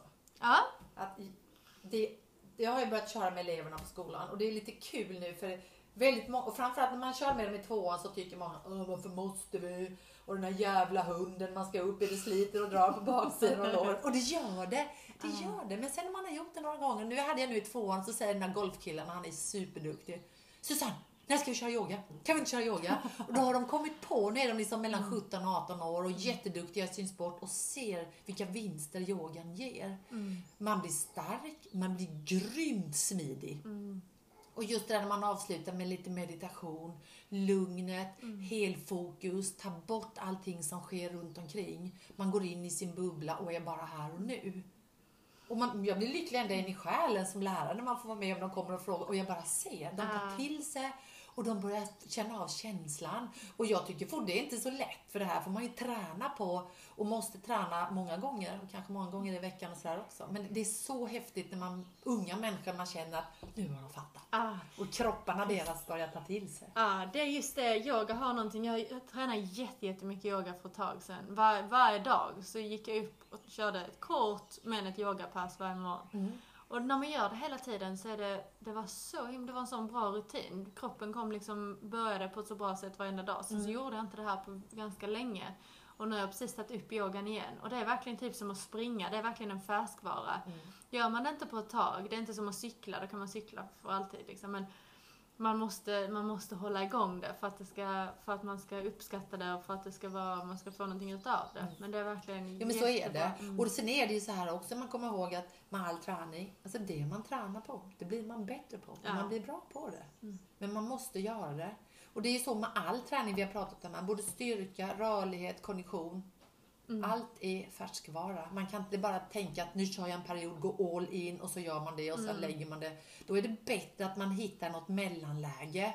Som att man känner att ja, men så här mycket rider jag, så här mycket gör jag andra grejer och så här mycket har jag tid för min träning och jag gör det kontinuerligt. Ja. D- Då kommer det att ge effekt. Absolut. Och sen också en annan grej som jag också har funderat lite grann på nu när vi precis har startat upp vår egen verksamhet nu. För vi jobbar så hårt vi kan och gör så mycket vi kan. Men att kanske har man valet och möjligheten kanske rida en häst mindre men att lägga den tiden på sig själv. Mm. Jag tror det är stora vinster i slutändan. Du är så ung än också, men du ska ju hålla Mm. hela livet, eller hur? Och känna glädje i det man gör och inte så att om tio år så ska du ha ont i ländryggen, du ska börja få ont i knäna, du känner slitage upp i axlarna. Det är ju inte kul. Nej. Och jag, jag tror alltså ärligt, man, man behöver inte få en massa slitage om man är klok nog och tränar allsidig träning och verkligen checkar av ibland. Vad behöver jag bli bättre på? Och som du säger, rid upp på mittlinjen. Och så jag att någon tittar. Man behöver inte vara expert för att säga sitter du rakt över hästen? Har du lika mycket i båda stigbyglarna? Hur ser det ut? Hur ser axlarna ut? Hur ser höftbenen ut? Och hur ser hälarna ut? Det är inte så svårt. Det är inte det, nej. Ibland är det bra att bryta ner det till Ja. vissa... Mm. Och ibland bara det där att, att någon filmar en på så enkla grejer och någon står framför och bakom ett hinder när du hoppar. Hur ser det ut där? Mitt över hindret. Mm. Och det behöver inte vara några stora hinder, det räcker med små. Mm. Eller man rider över bommar. Det finns ganska enkelt. Oftast har man någon kompis som kan se också. Absolut. Och där sen kan man koppla det vidare liksom till sin, till sin egna träning. Liksom. Mm, mm. Jätte, jättebra. Mm. En annan grej jag också har funderat lite grann på, det är egentligen samma sak, både om man skulle jämföra det med att gå ut och springa, det är just det här med mental, mental träning. Mm. Och göra, du vet så här, olika andningsövningar och eh, vad heter det när man eh, visualiserar saker. Det är väl också ganska mycket av en färskvara, eller hur? Mm. Ja, det är det. Det är otroligt mycket färskvara. Och det, det kommer ju också mer och mer på sistone. Och nu vet jag inte, de- de visade på eh, Kunskapskanalen i januari i år. Fantastiskt bra program som ni måste se. Ja. Det heter Meditation på recept. Okej. Och nu ser man äntligen, nu finns det svart på vitt. Vilka effekter det har. Man, man har tagit, det var någon person som har haft problem med depressioner och sånt här. Eh, Och varit jättesvårt, alltså illa däran under många, många år. Och så har man tagit en eh, magnetröntgen på hjärnan och så ser man hur vissa områden ser ut som blir mer påverkade av just den här sortens ja, tillstånd i kroppen. Ja. Och sen har den här personen fått köra meditation 20 minuter om dagen i tre veckor. Så tar man en ny magnetröntgen och det här området har minskat massvis. Så att man Wow. ser, det här, och det, och det här, annars har det varit så här med meditation och lite sånt det är lite så här flum flum. Det är liksom yoga indierna, Mm. yogis som sitter på någon matta och du vet så här bara. Men, men nu äntligen så har man, man sett att, vilka effekter det har. Och både då för folk och människor som inte har mått så bra på olika sätt, men även elitidrottare, hur man verkligen kan ta till sig. Och just att man verkligen kan bli det där bäst när det gäller. Och att man törs följa sin plan. Du har gjort en väg du ska köra i hoppningen och så ser du fyra ryttare innan dig, rider inte riktigt men nästan och det, det går inte bra. Ska du ändra det eller ska du stå fast? Och då är det så här, har du då, är du bra fysiskt tränad så att du orkar liksom ja, men jag håller fokus. Och så vet du bara, nej, nej, jag är i min bubbla, lite Rolf-Göran Bengtsson. Jag kör mitt system Ja. fullt ut och jag har gjort en plan. Jag följer, jag håller mig till planen. Mm. Och då är du stark nog att kunna göra det för du tar inte allt det där utifrån hela tiden som stör. Du går in. Precis. Men, för många gånger hör man ju då när man varit på tävlingar så säger någon, någon förälder eller någon sån där. Ja men du måste ju andas. Andas och ta det lugnt. Ja, men det, det kan man liksom inte bara säga om inte man har övat på det. Så egentligen lika många gånger som du anrider mot dina hinder, kör dina dressyrprogram eller vad man än gör, så måste du träna kroppen på den här mentala biten. Man sitter och andas, man kanske tänker på något mantra, man tänker på en färg, man försöker ta bort allting. Man sitter, man är fullt medveten och vakar, men man bara koncentrerar sig på sin andning. Och för att det ska funka och för kroppen ska veta vilket mood den ska gå in i, så måste du träna. Mm. Träna, träna, träna på det här. Ja, Så ja. blir man jättebra på det. Verkligen jätteintressant. Och jag kan tänka mig också, givetvis i alla sporter är detta extremt viktigt, men just i ridsporten, det som är unikt för oss är att vi faktiskt, vi gör vår gren tillsammans med en annan individ som vi inte ens kan prata med. Och hästar är flyktiga, de känner av om vi, vår puls höjs. Det Precis, känner de direkt och då mm. tänker de, nu ska jag fly. Ja, Och kan vi då inte kontrollera oss själva och börja pulsen börja slå, då kommer flyktinstinkten. Och inte konstigt att man då kommer in och eller kommer ut från banan och säger att hästen blir så himla het och springig. Det, är bara Ja, precis, det är precis för att det är de signalerna. Och gör man det gång på gång så vet hästen när man kommer in i, i ringen Mm. på banan, då varenda gång så är det någonting som kommer komma att vara en fara. precis. Mm. Så är det. Så det är verkligen en cirkel, allting, allting hör ihop med vartannat liksom.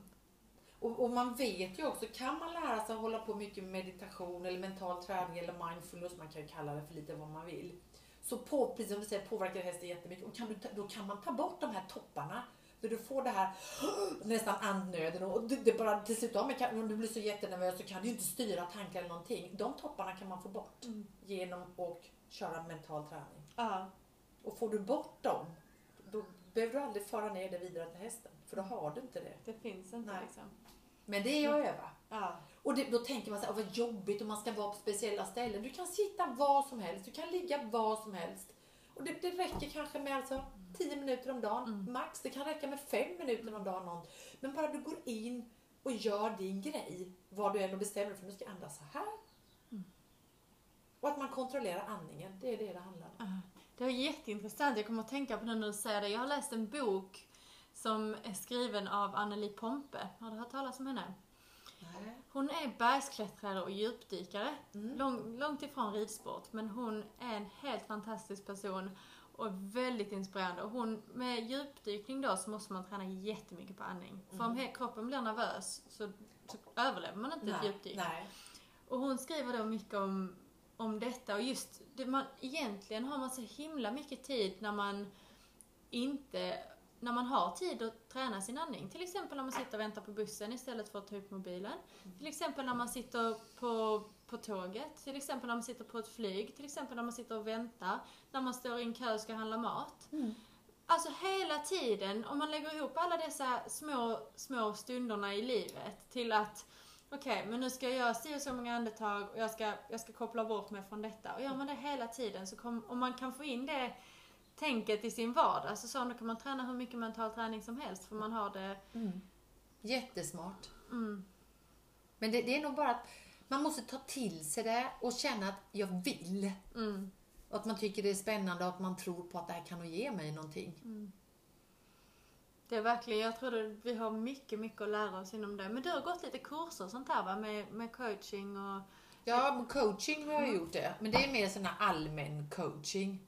Att man ställer kortare frågor. För, för den coachingmodellen jag har gått, det är att man är inte 100% säker på att allt finns hos personen själv.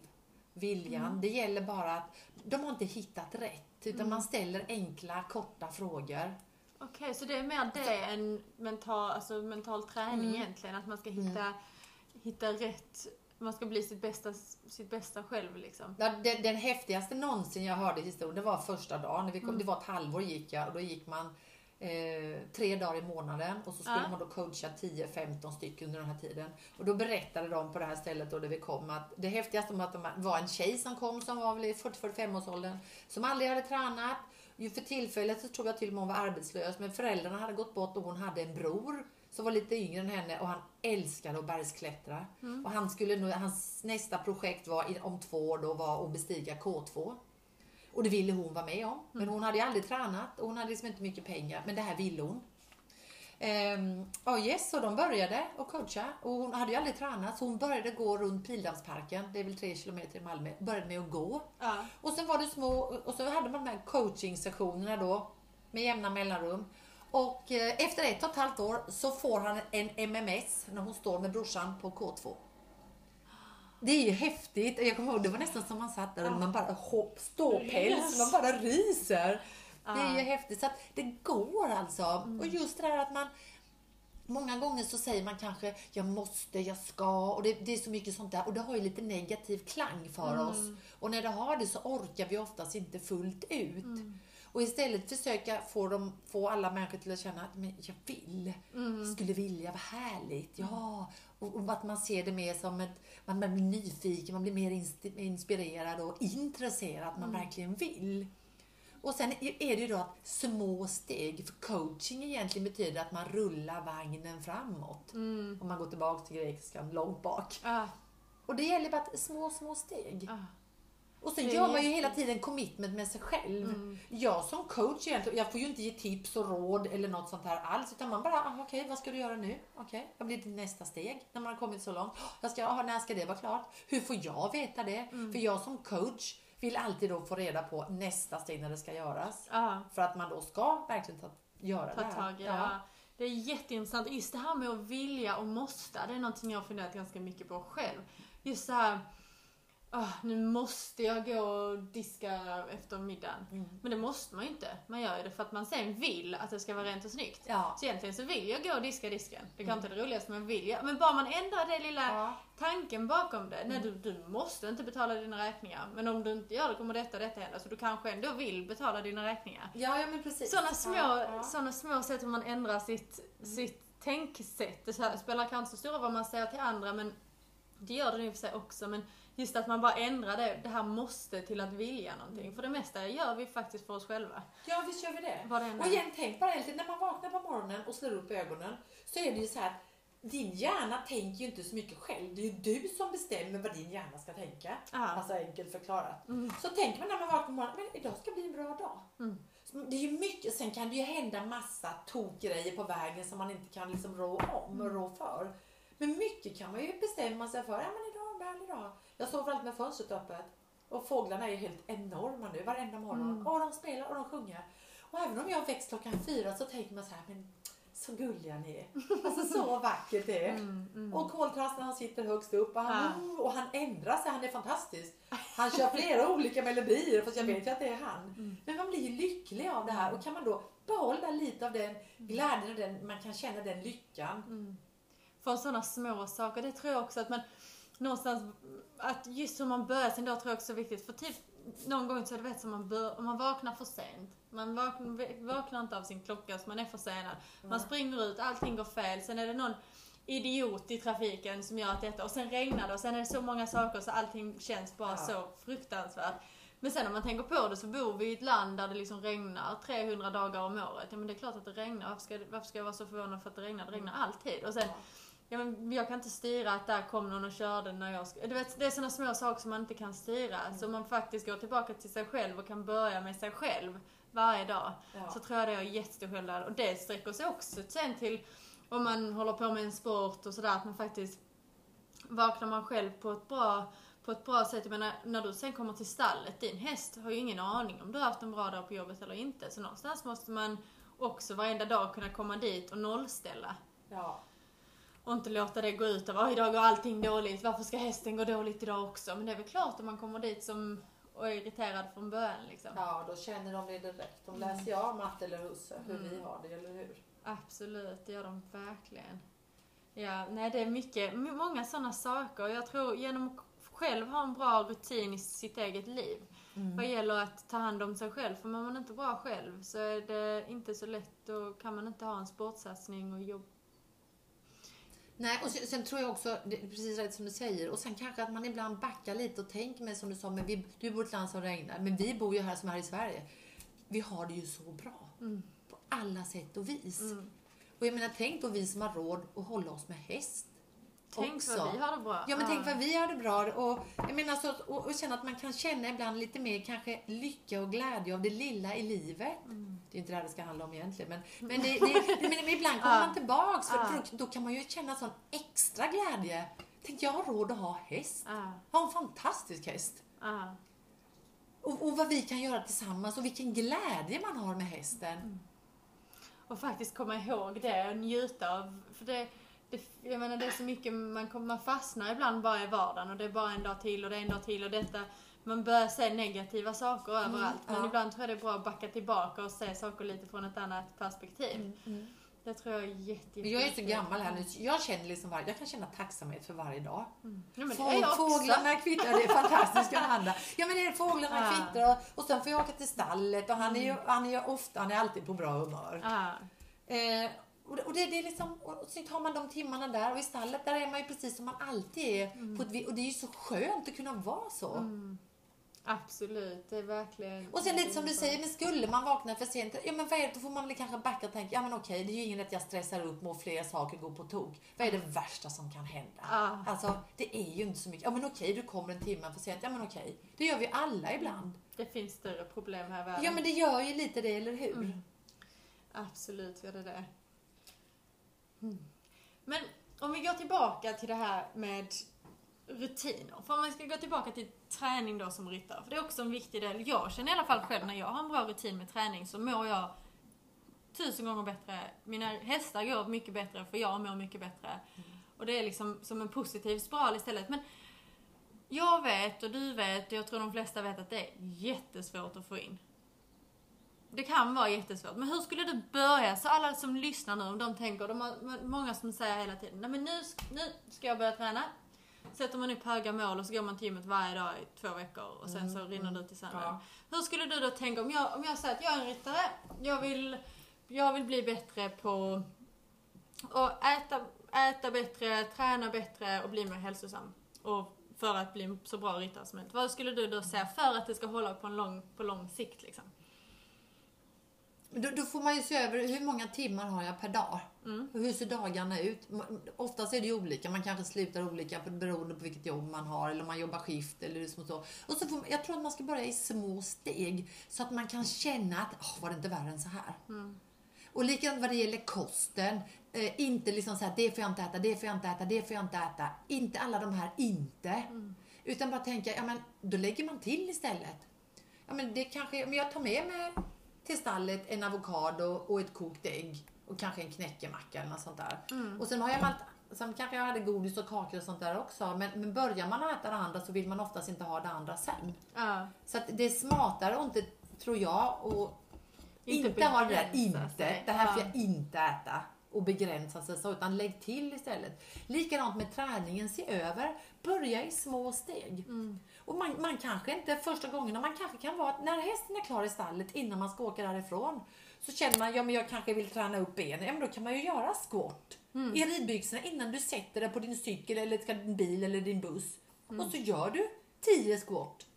Och så kollar man, hur ska jag göra dem riktigt? Jag ska ha tyngden på hälarna och, och stå alltså med rak rygg och sen gå ner långsamt och så gör man långsamma rörelser i styrkan. Så gör jag 10 sådana och så kanske jag gör 10 igen. Jag kan göra utfallssteg. Eh, Man skulle kunna lägga ner en, en täcke på golvet i stallet. Man har ju sånt hur mycket som helst. Och så kan man stå på alla fyra.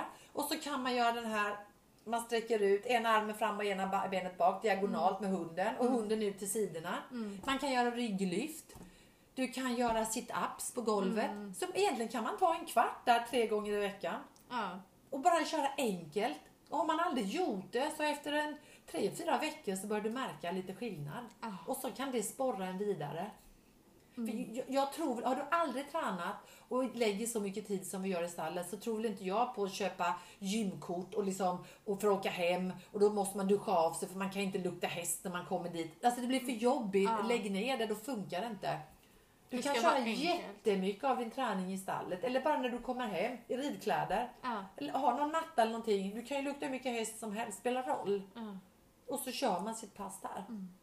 Det är jättebra. Jag kommer ihåg, jag lyssnade på en podd, jag vet inte om du har hört den, den heter Monkey Mindset. Det är en Jag har inte lyssnat på poddar alls. Nej, okej. Jag får bara göra Ja, det. du får göra det nu. Eh, I alla fall, det är en kille då som är mental tränare som har den här podden. Mm. Och han säger just hur man ska skapa en vana och pratar mycket om det. Hur kroppen faktiskt fungerar. För det tar energi för kroppen att starta en ny vana. Mm. Och, ehm, och sen så säger han att till en början, bara för att du ska få en vana, så säg varje dag du kommer hem från jobbet, så sätt på dig träningskläderna. Och sen gör inget mer första veckan. Men varje dag du kommer hem från jobbet sätter du på träningskläderna. Sen nästa gång kanske målet är att sätta på träningar, träningstränare och gå till gymmet. Och det är ganska liten chans att du kommer sätta på träningstränare och gå till gymmet, vilket är busenkelt. Mm. Men att du ska gå dit och sen inte träna. Men det är inte där fokuset ligger, för fokuset ligger på att bygga en ny rutin som handlar på om att gå till gymmet. Mm. Och sen kommer träningen gratis liksom. Mm. Och det, för det oftast när man väl är där och väl har börjat träna så oftast så kör man ju på och tycker det egentligen är väldigt kul. Men det är egentligen steget att ta sig dit som är det jobbiga. Mm. Så ändra fokuset liksom från, från att åh, så här långt ska jag springa, nu ska jag göra dessa passen så här många dagar i veckan. Men istället kan jag lägga om, lägga om fokuset till att faktiskt bara ta på sig träningskläder och promenera till gymmet. Du behöver inte ens gå in på gymmet men oftast gör man det om man kommer. Ja, ja, Ja, men du förstår, bara sådana enkla ja. saker. Ja, jo, men det, det gäller att få rutiner, både på mat och på träning och på sömn. Mm. Mm. Och då Men- får man ju räkna ut hur många timmar har jag på ett dygn. Hur många gånger i veckan har jag liksom, kan jag tänka mig att träna. Sen får vi ju inte glömma att rider man då varje dag så får man ju träning av det också. Ja. Så att man, det är ju inte det här att de som rider är liksom helt nybörjare på träning. Man har ju man, grund- man har ju en, en, en grundfysik såklart. Som gör att det säkert är lättare. Det gäller Mm. bara kanske då att är man många timmar i stall så kanske det är svårt att få tid till det. Ja. Och då kanske det är enklast att börja hemma. Att man har en liten vrå eller något rum, det har jag uppe. Mm. Jag har vikter och lite mattor och en pilatesboll, lite gummiband och lite sånt där, någon Mm. stång. Mm. Ja, det är jätte, jättebra tips. Verkligen. Det känns som jag i alla fall har fått jättemycket inspiration och liksom verkligen f- försök liksom bara få in det i en rutin lika mycket som att man skulle gå, klart att man mockar sina boxar på morgonen. Ja. Liksom. Lika självklart som det så borde det Mm. vara lika självklart att ta 20 minuter åtminstone till sig själv. Bara för att antingen om man känner sig trött, ta då de 20 minuterna till att meditera eller stretcha. Ja. Men har man 20 minuter man känner, känner sig liksom pigg i kroppen, man går ut och springer en runda. Bara att man skulle försöka få in det som en rutin, liksom att 20 minuter om dagen är till mig själv. ja. Och sen känna efter Och vad sen min kropp... har du gjort det och sen när man kanske har gjort det, man brukar väl säga då kanske åtta veckor. Det låter ju som lång tid men av en livslängd är det ju inte så lång tid. Mm. Kommer man över den tröskeln sen så vill ju kroppen själv. Då har man Ja, skapat det där behovet och ett litet begär att nu behöver jag det här. ja, Och sen vill vi ju alla bli bättre på att rida, eller hur? precis. Och jag lovar att det kommer göra, det gör resultat. För när man har den andra, den fysiska styrkan, att man känner sig stark i sin kropp så kommer ridningen och... Mm. Ja, men du har ju mycket lättare att ha rätt inverkan och påverkan på hästen om du själv är i balans och stark. Mm. Precis, och som vi började det här, hela det här avsnittet också, just hur, hur mycket tid och energi och pengar vi lägger på våra hästar för att de ska vara tipptopp. Ja. Men någonstans så glömmer vi oss själva, vi är 50% av ekipaget. ja, visst är man det. Så det, det är faktiskt viktigt att man backar lite där och ser över sig själv. Mm. Nej du, det här var jätte, jättebra, intressant snack Susanne. Tusen, tusen tack för att du ställde upp. Tack Ja. själv, vad trevligt. Har du någonting annat du skulle vilja nämna innan vi avslutar? Jag tycker att alla ryttare ska göra som vi gör, Amanda. Börja varje dag för att få igång sitt immunförsvar så man inte blir så sjuk. Ett glas vatten med en halv pressad citron i. Och när man dricker det så kan man tänka över hur man ska ha den där dagen. Både för sin Jättebra. häst och för jobb och för träning. Det gör vi. Det gör vi. Det gör vi. Tusen tack Susanne. Tack själv. Tack, hej. Hej och välkomna till ett nytt avsnitt av Jossan och Amanda. Hej podden! Idag blir det ett lite annorlunda avsnitt då Jossan och jag har varit på skilda vägar senaste veckan. Jag har varit hemma i Sverige och Jossan har varit iväg på minisemester. Så därför blir veckans avsnitt något annorlunda. Jag har nämligen intervjuat eh, min gamla idrottslärare från gymnasietiden. Eh, och hon jobbar som specialiserad inom just idrott för ryttare och golfare på ett så kallat idrottsgymnasium i Vellinge. Där jag gick förr i tiden. Ehm, så häng med och lyssna på vad Susanne har för tips på hur man ska träna och ta hand om sig själv som ryttare för att bli så bra som bara möjligt. Häng med!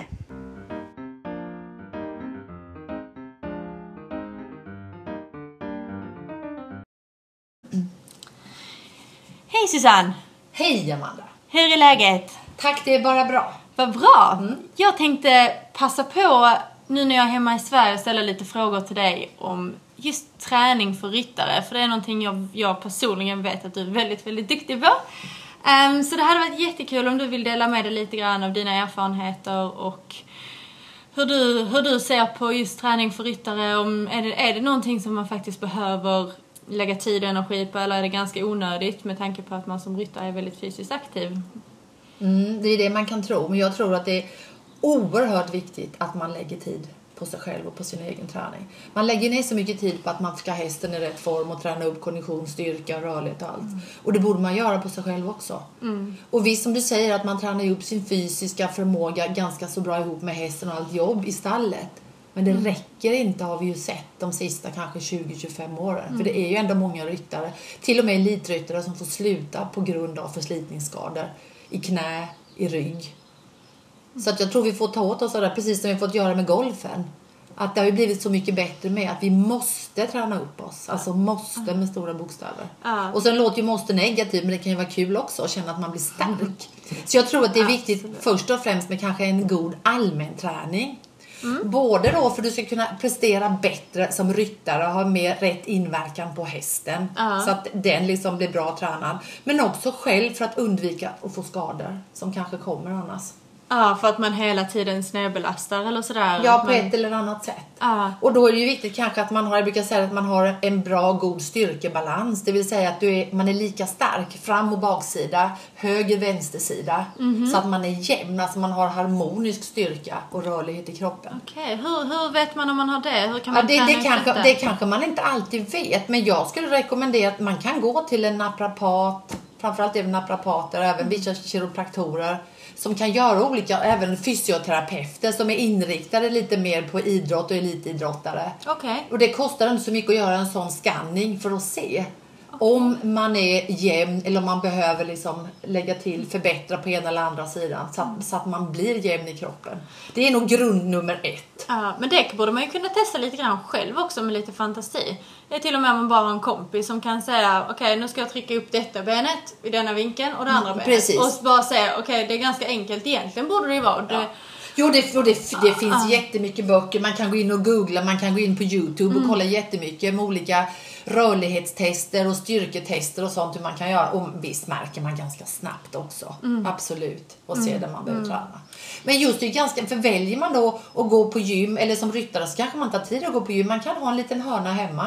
Med lite petflaskor som man har sand i eller vatten i. Och man kan ha en pilatesboll, ett fantastiskt redskap. Där man kan träna både styrka och jättemycket rörlighet. Och sist men inte minst, balansen är ju jätte, jätteviktig här. Ja. När man tränar upp den. Och det är ett perfekt redskap. Lite gummiband, kanske någon liten matta. Sen är man hemma. så Och har man då varit i stallet en hel dag och ridit tre sommar, liksom kanske värmen och det i kroppen så man är ganska bra uppvärmd, då kan man bara komma hem direkt. Dra av sig lite ridkläder och sen köra på med nästa lilla pass. Ja.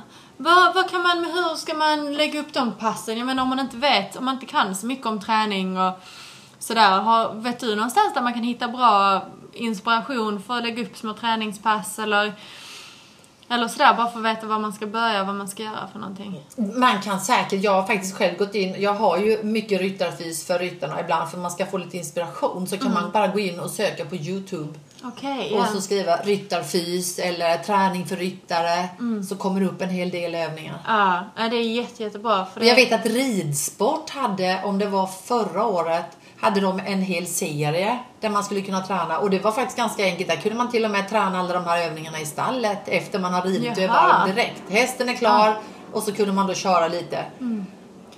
det är Så man, man jättebra. kan göra det ja. väldigt enkelt. Ja. Men sen tror jag också att man ska nog inte bara rida. Det, det är fantastiskt bra att rida för kroppen på alla Mm. sätt. Men om man håller på och rider många hästar om dagen så bör man se till att du kanske kan löpträna. Gå sim, simning är ju fantastiskt bra man kan göra det ibland. Mm. För det avlastar leder. Och skelettet. Så det är, det är mer den fysiska biten med hjärta och kanske en del muskler som får. Men just att man avlastar lederna är väldigt, väldigt skonsamt. Lite mildare mot kroppen liksom. Precis, och sen kan man ju gå på motionspass. Det finns ju massor. Spela kanske något bollsport eller kampsport. Det är fantastiskt bra träning för hela kroppen. Där man får med allt. ja. Så att man har variation. Jag tror, vi är ju så noga med att vi har variation för våra hästar. För att de ska tycka att det är kul och för att kroppen ska få och framförallt för att de ska ha hållbarheten. De ska hålla för oss. Och det är precis likadant tänkt med oss själva. Ibland glömmer vi bort oss lite där. Vi är jättenoga med hur hästarna ska äta. Och ryttarna ibland kanske med kosten. vet man ju också då att man kanske inte är så Absolut. noga med. Vilket också är jätteviktigt. Ja, en grej som jag har börjat tänka lite grann på sista tiden nu det är att precis som att vi har varje dag i stallet så skriver vi upp listor på vad alla hästar ska göra. Så vi skriver hästarnas namn och sen häst, jobbet för dagen. Liksom. Hoppning, uteritt, vad det nu kan vara. Och sen låtsas jag alltid att jag själv är en häst. Så bara, jaha, Amanda, vad ska hon göra för träning idag? Ja, men idag ska hon göra yoga, idag ska hon göra löpning. Så att man, Ja. Precis, jag skulle aldrig inte rida ut en häst för att jag inte orkade. Men varför skulle jag då inte gå ut och jogga en runda för att jag inte orkade? Det är Nej. precis lika viktigt. Men det, Precis, och det, Mm. det är jättebra det du säger. För det gäller ju att man får rutin Precis. på det. Och det är lika viktigt att man får rutin för hästarna så är det rutin för dig själv. Mm. Både med din träning, med din kost och med din sömn. ja, För, för går man tillbaka till träning så man kan ju kolla lite själv och se. Det här den allmänna träningen vi pratar om så kan man gå in lite mer grenspecifik träning och se. Ja men kan man inte hålla positionen hela tiden på hästryggen när man rider? Hästen drar det lite så åt ena hållet eller liksom bakåt eller framåt. Ja men då är det bara bålstyrkan du behöver träna på. Då är det fram och baksida av bålen, alltså överkroppen. Ja. Orkar man inte rama in hästen med skänken och hålla den där man vill ha den när man ramar in den, ja men då är det benen du behöver träna på. Fram och baksida ben, in och utsida och rumpa. Och har man då svårt att samordna hjälperna och det kanske man mer märker sen om man rider för någon när de säger oh, man tycker gud den tygen där och höger och vänster och alltihop sånt där så man har problem lite med det. Ja men då är det bollstabilitet och koordination. Så man kan Ja. lika lätt som du sa, man kan göra lite check sånt där själv och se vad man behöver. ja, absolut. Och vara lite...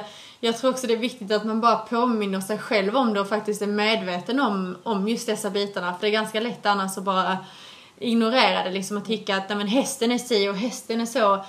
Och det var liksom, jag minns himla väl också bara på en träning, jag hade varenda halt jag gjorde på medellinjen så ställde sig hästen snett. Och jag bara, "Åh, dumma häst liksom, varför ska du varenda gång så sparka till med skänken? Och så sa min tränare, men du, så där kan du inte göra. Du måste, du sitter för det första sitter du inte ens rakt i sadeln.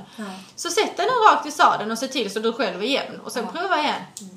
Hästen stod spikrak. Jo men det är precis, Och det är precis samma sak. Precis, det är det Ja. det handlar om. Att om är du då välbalanserad i kroppen och har harmoni med styrka fram och baksida och sitter rakt över hästen och det är du och har rätt inverkan vid rätt tillfälle på hästen så är de helt fantastiska och känner av.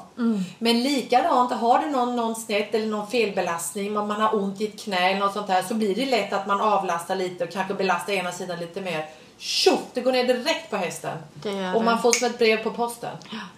Och det måste man vara medveten om. Och så kanske man då tänker själv, oj jag är så dålig, jag kan inte. Men alla, alltså elitryttarna på högsta nivå tänker likadant. Och måste träna, liksidig träning. Ehm, så det, och sen tänker jag också på det här med kondition. Det är ibland kanske man glömmer bort, men det är inte så dumt att lägga in lite löp eller cykelpass eller simningspass för att man självklart ska orka med all sin ridning. Men allt stalljobb som allt innebär med så att man inte är så trött jämt. Men framförallt när man ska ut på täv på meeting och sånt där, man orkar hålla fokus och hålla koncentrationen. Där har vi vår konditions... Och det är precis likadant med hästen. Den behöver alltid ha lite mer än vad som krävs för arbetet man utsätter den för. Ja, ja absolut. Så att man, man tänker så också.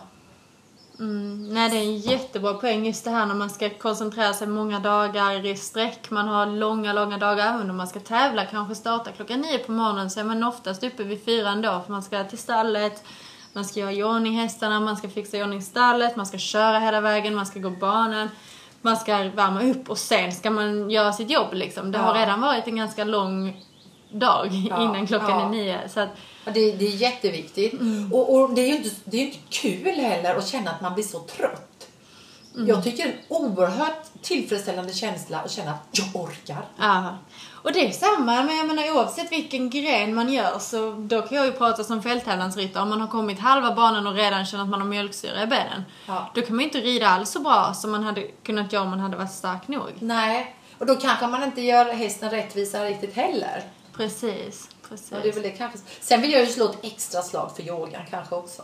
Ja, Att det, jag har ju börjat köra med eleverna på skolan och det är lite kul nu för väldigt många, och framförallt när man kör med dem i tvåan så tycker många Åh, varför måste vi? Och den här jävla hunden man ska upp i, det sliter och drar på baksidan och lår. Och det gör det, det gör det. Men sen när man har gjort det några gånger, nu hade jag nu i tvåan så säger den här golfkillen, han är superduktig. Susanne, när ska vi köra yoga? Kan vi inte köra yoga? Och då har de kommit på, nu är de liksom mellan 17 och 18 år och jätteduktiga i sin sport och ser vilka vinster yogan ger. Man blir stark, man blir grymt smidig. Och just det där när man avslutar med lite meditation, lugnet, helfokus, ta bort allting som sker runt omkring. Man går in i sin bubbla och är bara här och nu. Och man, jag blir lycklig ända in i själen som lärare när man får vara med om de kommer och frågar och jag bara ser. De tar Ah. till sig och de börjar känna av känslan. Och jag tycker för det är inte så lätt för det här får man ju träna på och måste träna många gånger och kanske många gånger i veckan och sådär också. Men det är så häftigt när man, unga människor, man känner att nu har de fattat. ah. Och kropparna deras börjar ta till sig. Ja, det är just det. Yoga har någonting. Jag, jag tränade jätte, jättemycket yoga för ett tag sedan. Var, varje dag så gick jag upp och körde ett kort men ett yogapass varje morgon. Och när man gör det hela tiden så är det, det var så himla, det var en sån bra rutin. Kroppen kom liksom, började på ett så bra sätt varenda dag. Sen så gjorde jag inte det här på ganska länge. Och nu har jag precis tagit upp yogan igen. Och det är verkligen typ som att springa. Det är verkligen en färskvara. Gör man det inte på ett tag, det är inte som att cykla, då kan man cykla för alltid liksom. Men man måste, man måste hålla igång det för att, det ska, för att man ska uppskatta det och för att det ska vara, man ska få någonting utav det. Men det är verkligen Ja men så är jättebra. det. Och sen är det ju så här också, man kommer ihåg att med all träning, alltså det man tränar på, det blir man bättre på. Ja. Man blir bra på det. Men man måste göra det.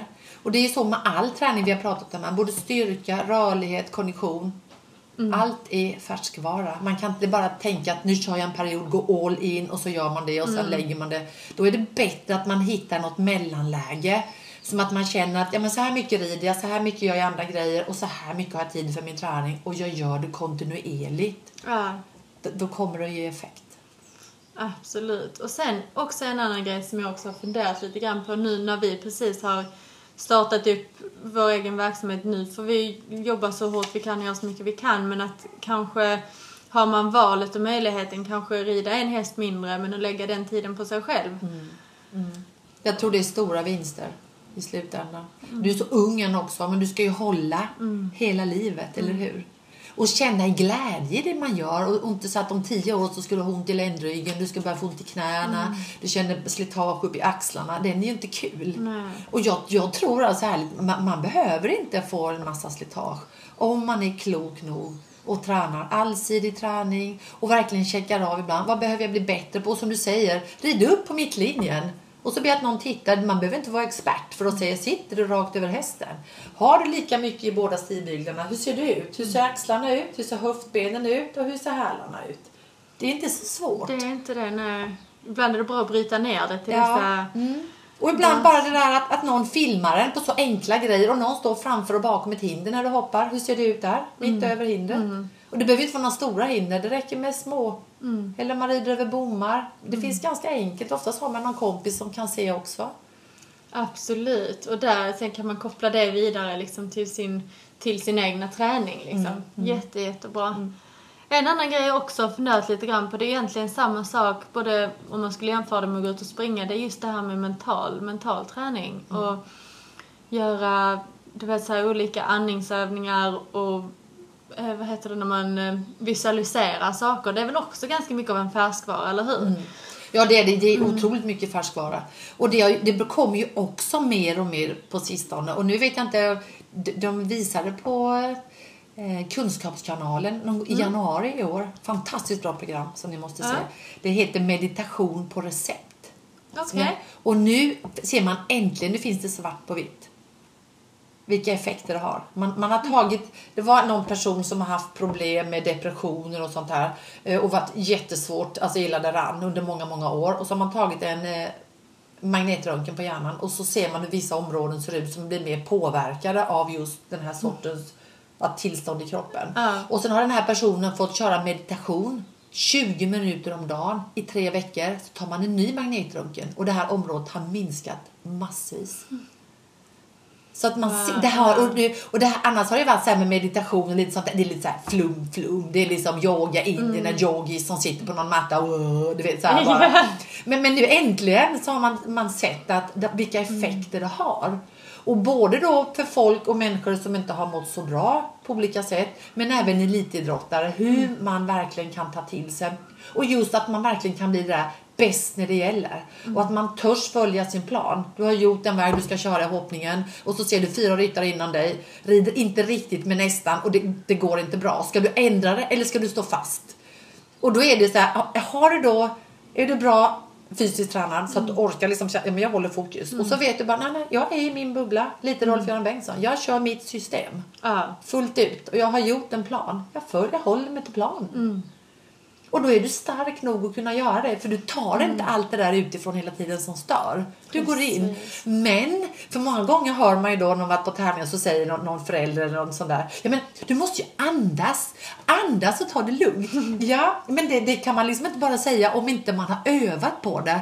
Så egentligen lika många gånger som du anrider mot dina hinder, eller kör dina dressyrprogram eller vad man än gör så måste du träna kroppen på den här mentala biten. Att man sitter och andas, man kanske tänker på något mantra, man tänker på en färg, man försöker ta bort allting. Man sitter, man är fullt medveten och vaken men man bara koncentrerar sig på sin andning.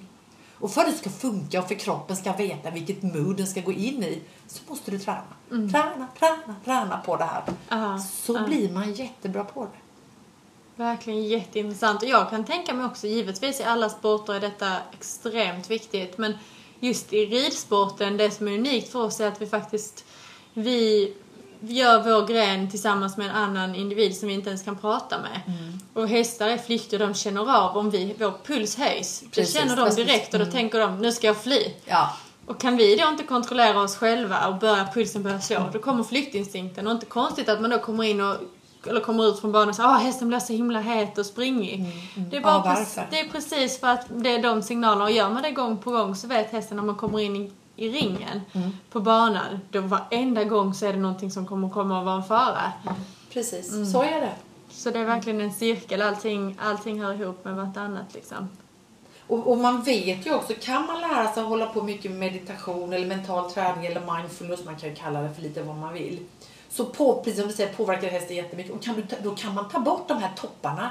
Då du får det här nästan andnöden och det, det bara till slut, om du blir så jättenervös så kan du inte styra tankar eller någonting. De topparna kan man få bort genom att köra mental träning. Ja. Och får du bort dem, då behöver du aldrig föra ner det vidare till hästen. För då har du inte det. Det finns inte Nej. liksom. Men det är att öva. Ja. Och det, då tänker man så här, "Åh, vad jobbigt om man ska vara på speciella ställen. Du kan sitta var som helst, du kan ligga var som helst. Och det, det räcker kanske med alltså 10 minuter om dagen, max. Det kan räcka med 5 minuter om dagen. Någon. Men bara du går in och gör din grej, vad du än bestämmer för. Nu ska jag andas så här. Och att man kontrollerar andningen, det är det det handlar om. Det var jätteintressant. Jag kommer att tänka på det när du säger det. Jag har läst en bok som är skriven av Anneli Pompe. Har du hört talas om henne? Nej. Hon är bergsklättrare och djupdykare. Lång, långt ifrån ridsport. Men hon är en helt fantastisk person och väldigt inspirerande. Och hon, med djupdykning då så måste man träna jättemycket på andning. För om he- kroppen blir nervös så, så överlever man inte ett Nej. djupdyk. Nej. Och hon skriver då mycket om, om detta och just det man, egentligen har man så himla mycket tid när man inte när man har tid att träna sin andning. Till exempel när man sitter och väntar på bussen istället för att ta upp mobilen.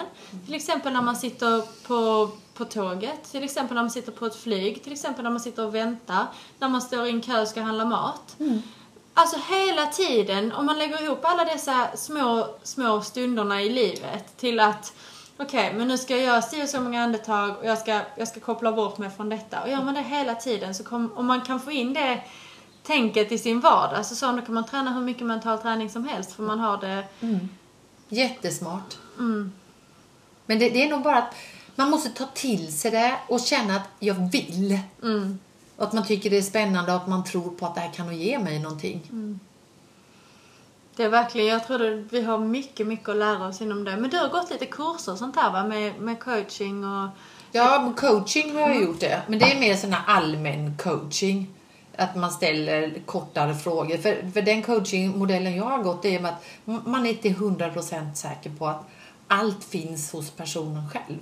Viljan. Det gäller bara att de har inte hittat rätt. Utan man ställer enkla, korta frågor. Okej, så det är mer det än mental, alltså mental träning egentligen? Att man ska hitta, hitta rätt, man ska bli sitt bästa, sitt bästa själv liksom? Ja, den, den häftigaste någonsin jag hörde i historien, det var första dagen. När vi kom, Det var ett halvår gick jag och då gick man eh, tre dagar i månaden och så skulle Ja. man då coacha 10-15 stycken under den här tiden. Och då berättade de på det här stället då där vi kom att det häftigaste var att det var en tjej som kom som var väl i 40-45 års åldern som aldrig hade tränat. Ju för tillfället så tror jag till och med hon var arbetslös men föräldrarna hade gått bort och hon hade en bror som var lite yngre än henne och han älskade att bergsklättra. Och han skulle nog, hans nästa projekt var om två år då var att bestiga K2. Och det ville hon vara med om. Men hon hade ju aldrig tränat och hon hade liksom inte mycket pengar. Men det här ville hon. Ehm, ja, yes, så de började att coacha och hon hade ju aldrig tränat så hon började gå runt Pildammsparken, det är väl tre kilometer i Malmö, började med att gå. Ja. Och sen var det små, och så hade man de här coaching-sessionerna då med jämna mellanrum. Och eh, efter ett och ett halvt år så får han en MMS när hon står med brorsan på K2. Det är ju häftigt. Jag kommer ihåg, det var nästan som man satt där och man bara hopp, ståpäls, man bara ryser. Det är ju häftigt. Så att det går alltså. Och just det där att man Många gånger så säger man kanske jag måste, jag ska och det, det är så mycket sånt där och det har ju lite negativ klang för oss. Och när det har det så orkar vi oftast inte fullt ut. Och istället försöka få, dem, få alla människor till att känna att men jag vill, skulle vilja, vad härligt, ja. Och, och att man ser det mer som ett, man blir nyfiken, man blir mer inspirerad och intresserad, att man verkligen vill. Och sen är det ju då att små steg, för coaching egentligen betyder att man rullar vagnen framåt. Om man går tillbaka till grekiskan, långt bak. Ja. Och det gäller bara att små, små steg. Ja. Och sen gör man ju hela tiden commitment med sig själv. Jag som coach egentligen, jag får ju inte ge tips och råd eller något sånt här alls. Utan man bara, ah, okej vad ska du göra nu? Okej, vad blir ditt nästa steg? När man har kommit så långt. Jag ska, ah, när ska det vara klart? Hur får jag veta det? För jag som coach vill alltid då få reda på nästa steg när det ska göras. Ja. För att man då ska verkligen ta, göra ta det här. tag det. Ja. Det är jätteintressant. Just det här med att vilja och måste, det är någonting jag har funderat ganska mycket på själv. Just så här, ah, nu måste jag gå och diska efter middagen. Mm. Men det måste man ju inte. Man gör ju det för att man sen vill att det ska vara rent och snyggt. Ja. Mm. Så egentligen så vill jag gå och diska disken. Det kan inte det roligaste men vill jag. Men bara man ändrar det lilla Ja. tanken bakom det. Nej, du, du måste inte betala dina räkningar. Men om du inte gör det kommer detta och detta hända. Så du kanske ändå vill betala dina räkningar. Ja, ja men precis. Sådana små, Ja, såna små sätt hur man ändrar sitt, sitt tänksätt. Det spelar kanske inte så stor roll vad man säger till andra men det gör det i och för sig också. Men just att man bara ändrar det, det här måste till att vilja någonting. För det mesta gör vi faktiskt för oss själva. Ja, visst gör vi det. Än och igen, tänk bara lite, när man vaknar på morgonen och slår upp ögonen så är det ju så här din hjärna tänker ju inte så mycket själv. Det är ju du som bestämmer vad din hjärna ska tänka. Ja. Alltså enkelt förklarat. Så tänker man när man vaknar på morgonen, men idag ska bli en bra dag. Så Det är ju mycket, sen kan det ju hända massa tokgrejer på vägen som man inte kan liksom rå om och rå för. Men mycket kan man ju bestämma sig för. Ja men idag är en härlig dag. Jag sover alltid med fönstret öppet. Och fåglarna är helt enorma nu varenda morgon. Och de spelar och de sjunger. Och, och även om jag väcks klockan fyra så tänker man så här, men så gulliga ni är. Alltså så vackert det är. Och koltrasten han sitter högst upp och han, och han ändrar sig, han är fantastisk. Han kör flera olika melodier fast jag vet ju att det är han. Men man blir ju lycklig av det här och kan man då behålla lite av den glädjen och den, man kan känna den lyckan. Från sådana små saker. Det tror jag också att man någonstans, att just hur man börjar sin dag tror jag också är viktigt. För typ någon gång så är det vet som man bör, om man vaknar för sent. Man vaknar, vaknar inte av sin klocka så man är försenad. Man springer ut, allting går fel. Sen är det någon idiot i trafiken som gör att detta och sen regnar det och sen är det så många saker så allting känns bara Ja. så fruktansvärt. Men sen om man tänker på det så bor vi i ett land där det liksom regnar 300 dagar om året. Ja men det är klart att det regnar. Varför ska, varför ska jag vara så förvånad för att det regnar? Det regnar alltid. Och sen, ja men jag kan inte styra att där kom någon och körde när jag ska... Du vet, det är sådana små saker som man inte kan styra. Så om man faktiskt går tillbaka till sig själv och kan börja med sig själv varje dag. Ja. Så tror jag det har jättestor skillnad. Och det sträcker sig också sen till om man håller på med en sport och sådär, att man faktiskt vaknar man själv på ett bra på ett bra sätt. Jag menar, när du sen kommer till stallet, din häst har ju ingen aning om du har haft en bra dag på jobbet eller inte. Så någonstans måste man också varenda dag kunna komma dit och nollställa. Ja. Och inte låta det gå ut över, "Oj, idag går allting dåligt, varför ska hästen gå dåligt idag också? Men det är väl klart om man kommer dit som och är irriterad från början liksom. ja, då känner de det direkt. De läser ju av matte eller husse hur vi har det, eller hur? Absolut, det gör de verkligen. Ja, nej det är mycket, många sådana saker. Jag tror genom att själv ha en bra rutin i sitt eget liv. Vad gäller att ta hand om sig själv. För mår man inte bra själv så är det inte så lätt. Då kan man inte ha en sportsatsning och jobb. Nej, och sen, sen tror jag också, precis rätt som du säger, och sen kanske att man ibland backar lite och tänker med som du sa, men vi, du bor i ett land som regnar, men vi bor ju här som här i Sverige. Vi har det ju så bra. På alla sätt och vis. Och jag menar, tänk då vi som har råd att hålla oss med häst. Tänk också. vad vi har det bra. Ja, men tänk vad vi har det bra. Och, jag menar, så, och, och känna att man kan känna ibland lite mer kanske lycka och glädje av det lilla i livet. Det är inte det här det ska handla om egentligen. Men, men, det, det, men, ibland kommer man tillbaks. För, för då, då kan man ju känna sån extra glädje. Tänk, jag har råd att ha häst. Ha en fantastisk häst. Och, och vad vi kan göra tillsammans och vilken glädje man har med hästen. Och faktiskt komma ihåg det och njuta av. För det, det, jag menar det är så mycket, man, kommer, man fastnar ibland bara i vardagen och det är bara en dag till och det är en dag till och detta. Man börjar se negativa saker överallt. Men ja. ibland tror jag det är bra att backa tillbaka och se saker lite från ett annat perspektiv. Det tror jag är jätte, jätte, jag är så gammal här nu. Jag känner liksom varje, jag kan känna tacksamhet för varje dag. Ja, men Fåg, fåglarna kvittrar, det är fantastiskt Johanna. Ja men det är fåglarna Ja. kvittrar och, och sen får jag åka till stallet och han är ju, han är ju ofta, han är alltid på bra humör. Ja. Eh, och det, och det, det är liksom, och så tar man de timmarna där och i stallet där är man ju precis som man alltid är. På ett, och det är ju så skönt att kunna vara så.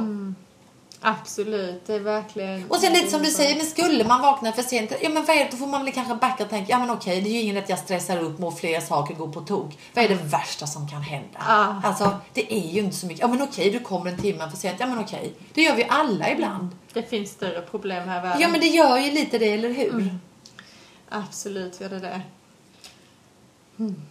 Men om vi går tillbaka till det här med rutiner. För om man ska gå tillbaka till träning då som ryttare. För det är också en viktig del. Jag känner i alla fall själv när jag har en bra rutin med träning så mår jag tusen gånger bättre. Mina hästar går mycket bättre för jag mår mycket bättre. Och det är liksom som en positiv spiral istället. Men jag vet och du vet och jag tror de flesta vet att det är jättesvårt att få in. Det kan vara jättesvårt. Men hur skulle du börja? Så alla som lyssnar nu, om de tänker, de har många som säger hela tiden, nej men nu, nu ska jag börja träna. Sätter man upp höga mål och så går man till gymmet varje dag i två veckor och sen så rinner det ut i sanden. Ja. Hur skulle du då tänka om jag, om jag säger att jag är en ryttare, jag vill, jag vill bli bättre på att äta, äta bättre, träna bättre och bli mer hälsosam. Och för att bli så bra ryttare som möjligt. Vad skulle du då säga för att det ska hålla på, en lång, på lång sikt liksom? Då, då får man ju se över hur många timmar har jag per dag. Och hur ser dagarna ut? Oftast är det ju olika. Man kanske slutar olika beroende på vilket jobb man har eller om man jobbar skift eller så. så. Och så får, jag tror att man ska börja i små steg så att man kan känna att oh, var det inte värre än så här. Och likadant vad det gäller kosten. Eh, inte liksom så här, det får jag inte äta, det får jag inte äta, det får jag inte äta. Inte alla de här inte. Utan bara tänka, ja men då lägger man till istället. Ja men det kanske, men jag tar med mig till stallet en avokado och ett kokt ägg och kanske en knäckemacka eller något sånt där. Och sen har jag allt, sen kanske jag hade godis och kakor och sånt där också. Men, men börjar man äta det andra så vill man oftast inte ha det andra sen. Ja. Så att det är smartare och inte, tror jag, och Inte inte, ha det där inte. Det här får Ja. jag inte äta och begränsa sig så, utan lägg till istället. Likadant med träningen, se över. Börja i små steg. Mm. Och man, man kanske inte första gången, man kanske kan vara att när hästen är klar i stallet innan man ska åka därifrån så känner man, ja men jag kanske vill träna upp benen. Ja men då kan man ju göra squat Mm. i ridbyxorna innan du sätter dig på din cykel eller ska din bil eller din buss. Mm. Och så gör du 10 squat. Och så kollar man hur ska jag göra dem riktigt. Jag ska ha tyngden på hälarna och, och stå alltså med rak rygg och sen gå ner långsamt och så gör man långsamma rörelser i styrkan. Så gör jag 10 sådana och så kanske jag gör 10 igen. Jag kan göra utfallssteg. Eh, Man skulle kunna lägga ner en, en täcke på golvet i stallet. Man har ju sånt hur mycket som helst. Och så kan man stå på alla fyra. Och så kan man göra den här man sträcker ut ena armen fram och ena benet bak diagonalt med hunden och hunden ut till sidorna. Man kan göra rygglyft. Du kan göra sit-ups på golvet. Så egentligen kan man ta en kvart där tre gånger i veckan Ja. och bara köra enkelt. Och har man aldrig gjort det så efter en tre, fyra veckor så börjar du märka lite skillnad. Ah. Och så kan det sporra en vidare. För jag, jag tror, har du aldrig tränat och lägger så mycket tid som vi gör i stallet så tror väl inte jag på att köpa gymkort och liksom och för att åka hem och då måste man duscha av sig för man kan inte lukta häst när man kommer dit. Alltså det blir för jobbigt. Ja. Lägg ner det, då funkar det inte. Du kan köra enkelt. jättemycket av din träning i stallet eller bara när du kommer hem i ridkläder. Ja. Eller ha någon matta eller någonting. Du kan ju lukta hur mycket häst som helst, spelar roll. Ja. Och så kör man sitt pass där. Det är jättebra. Jag kommer ihåg, jag lyssnade på en podd, jag vet inte om du har hört den, den heter Monkey Mindset. Det är en Jag har inte lyssnat på poddar. Nej, okej. Jag får bara göra Ja, det. du får nog göra det nu.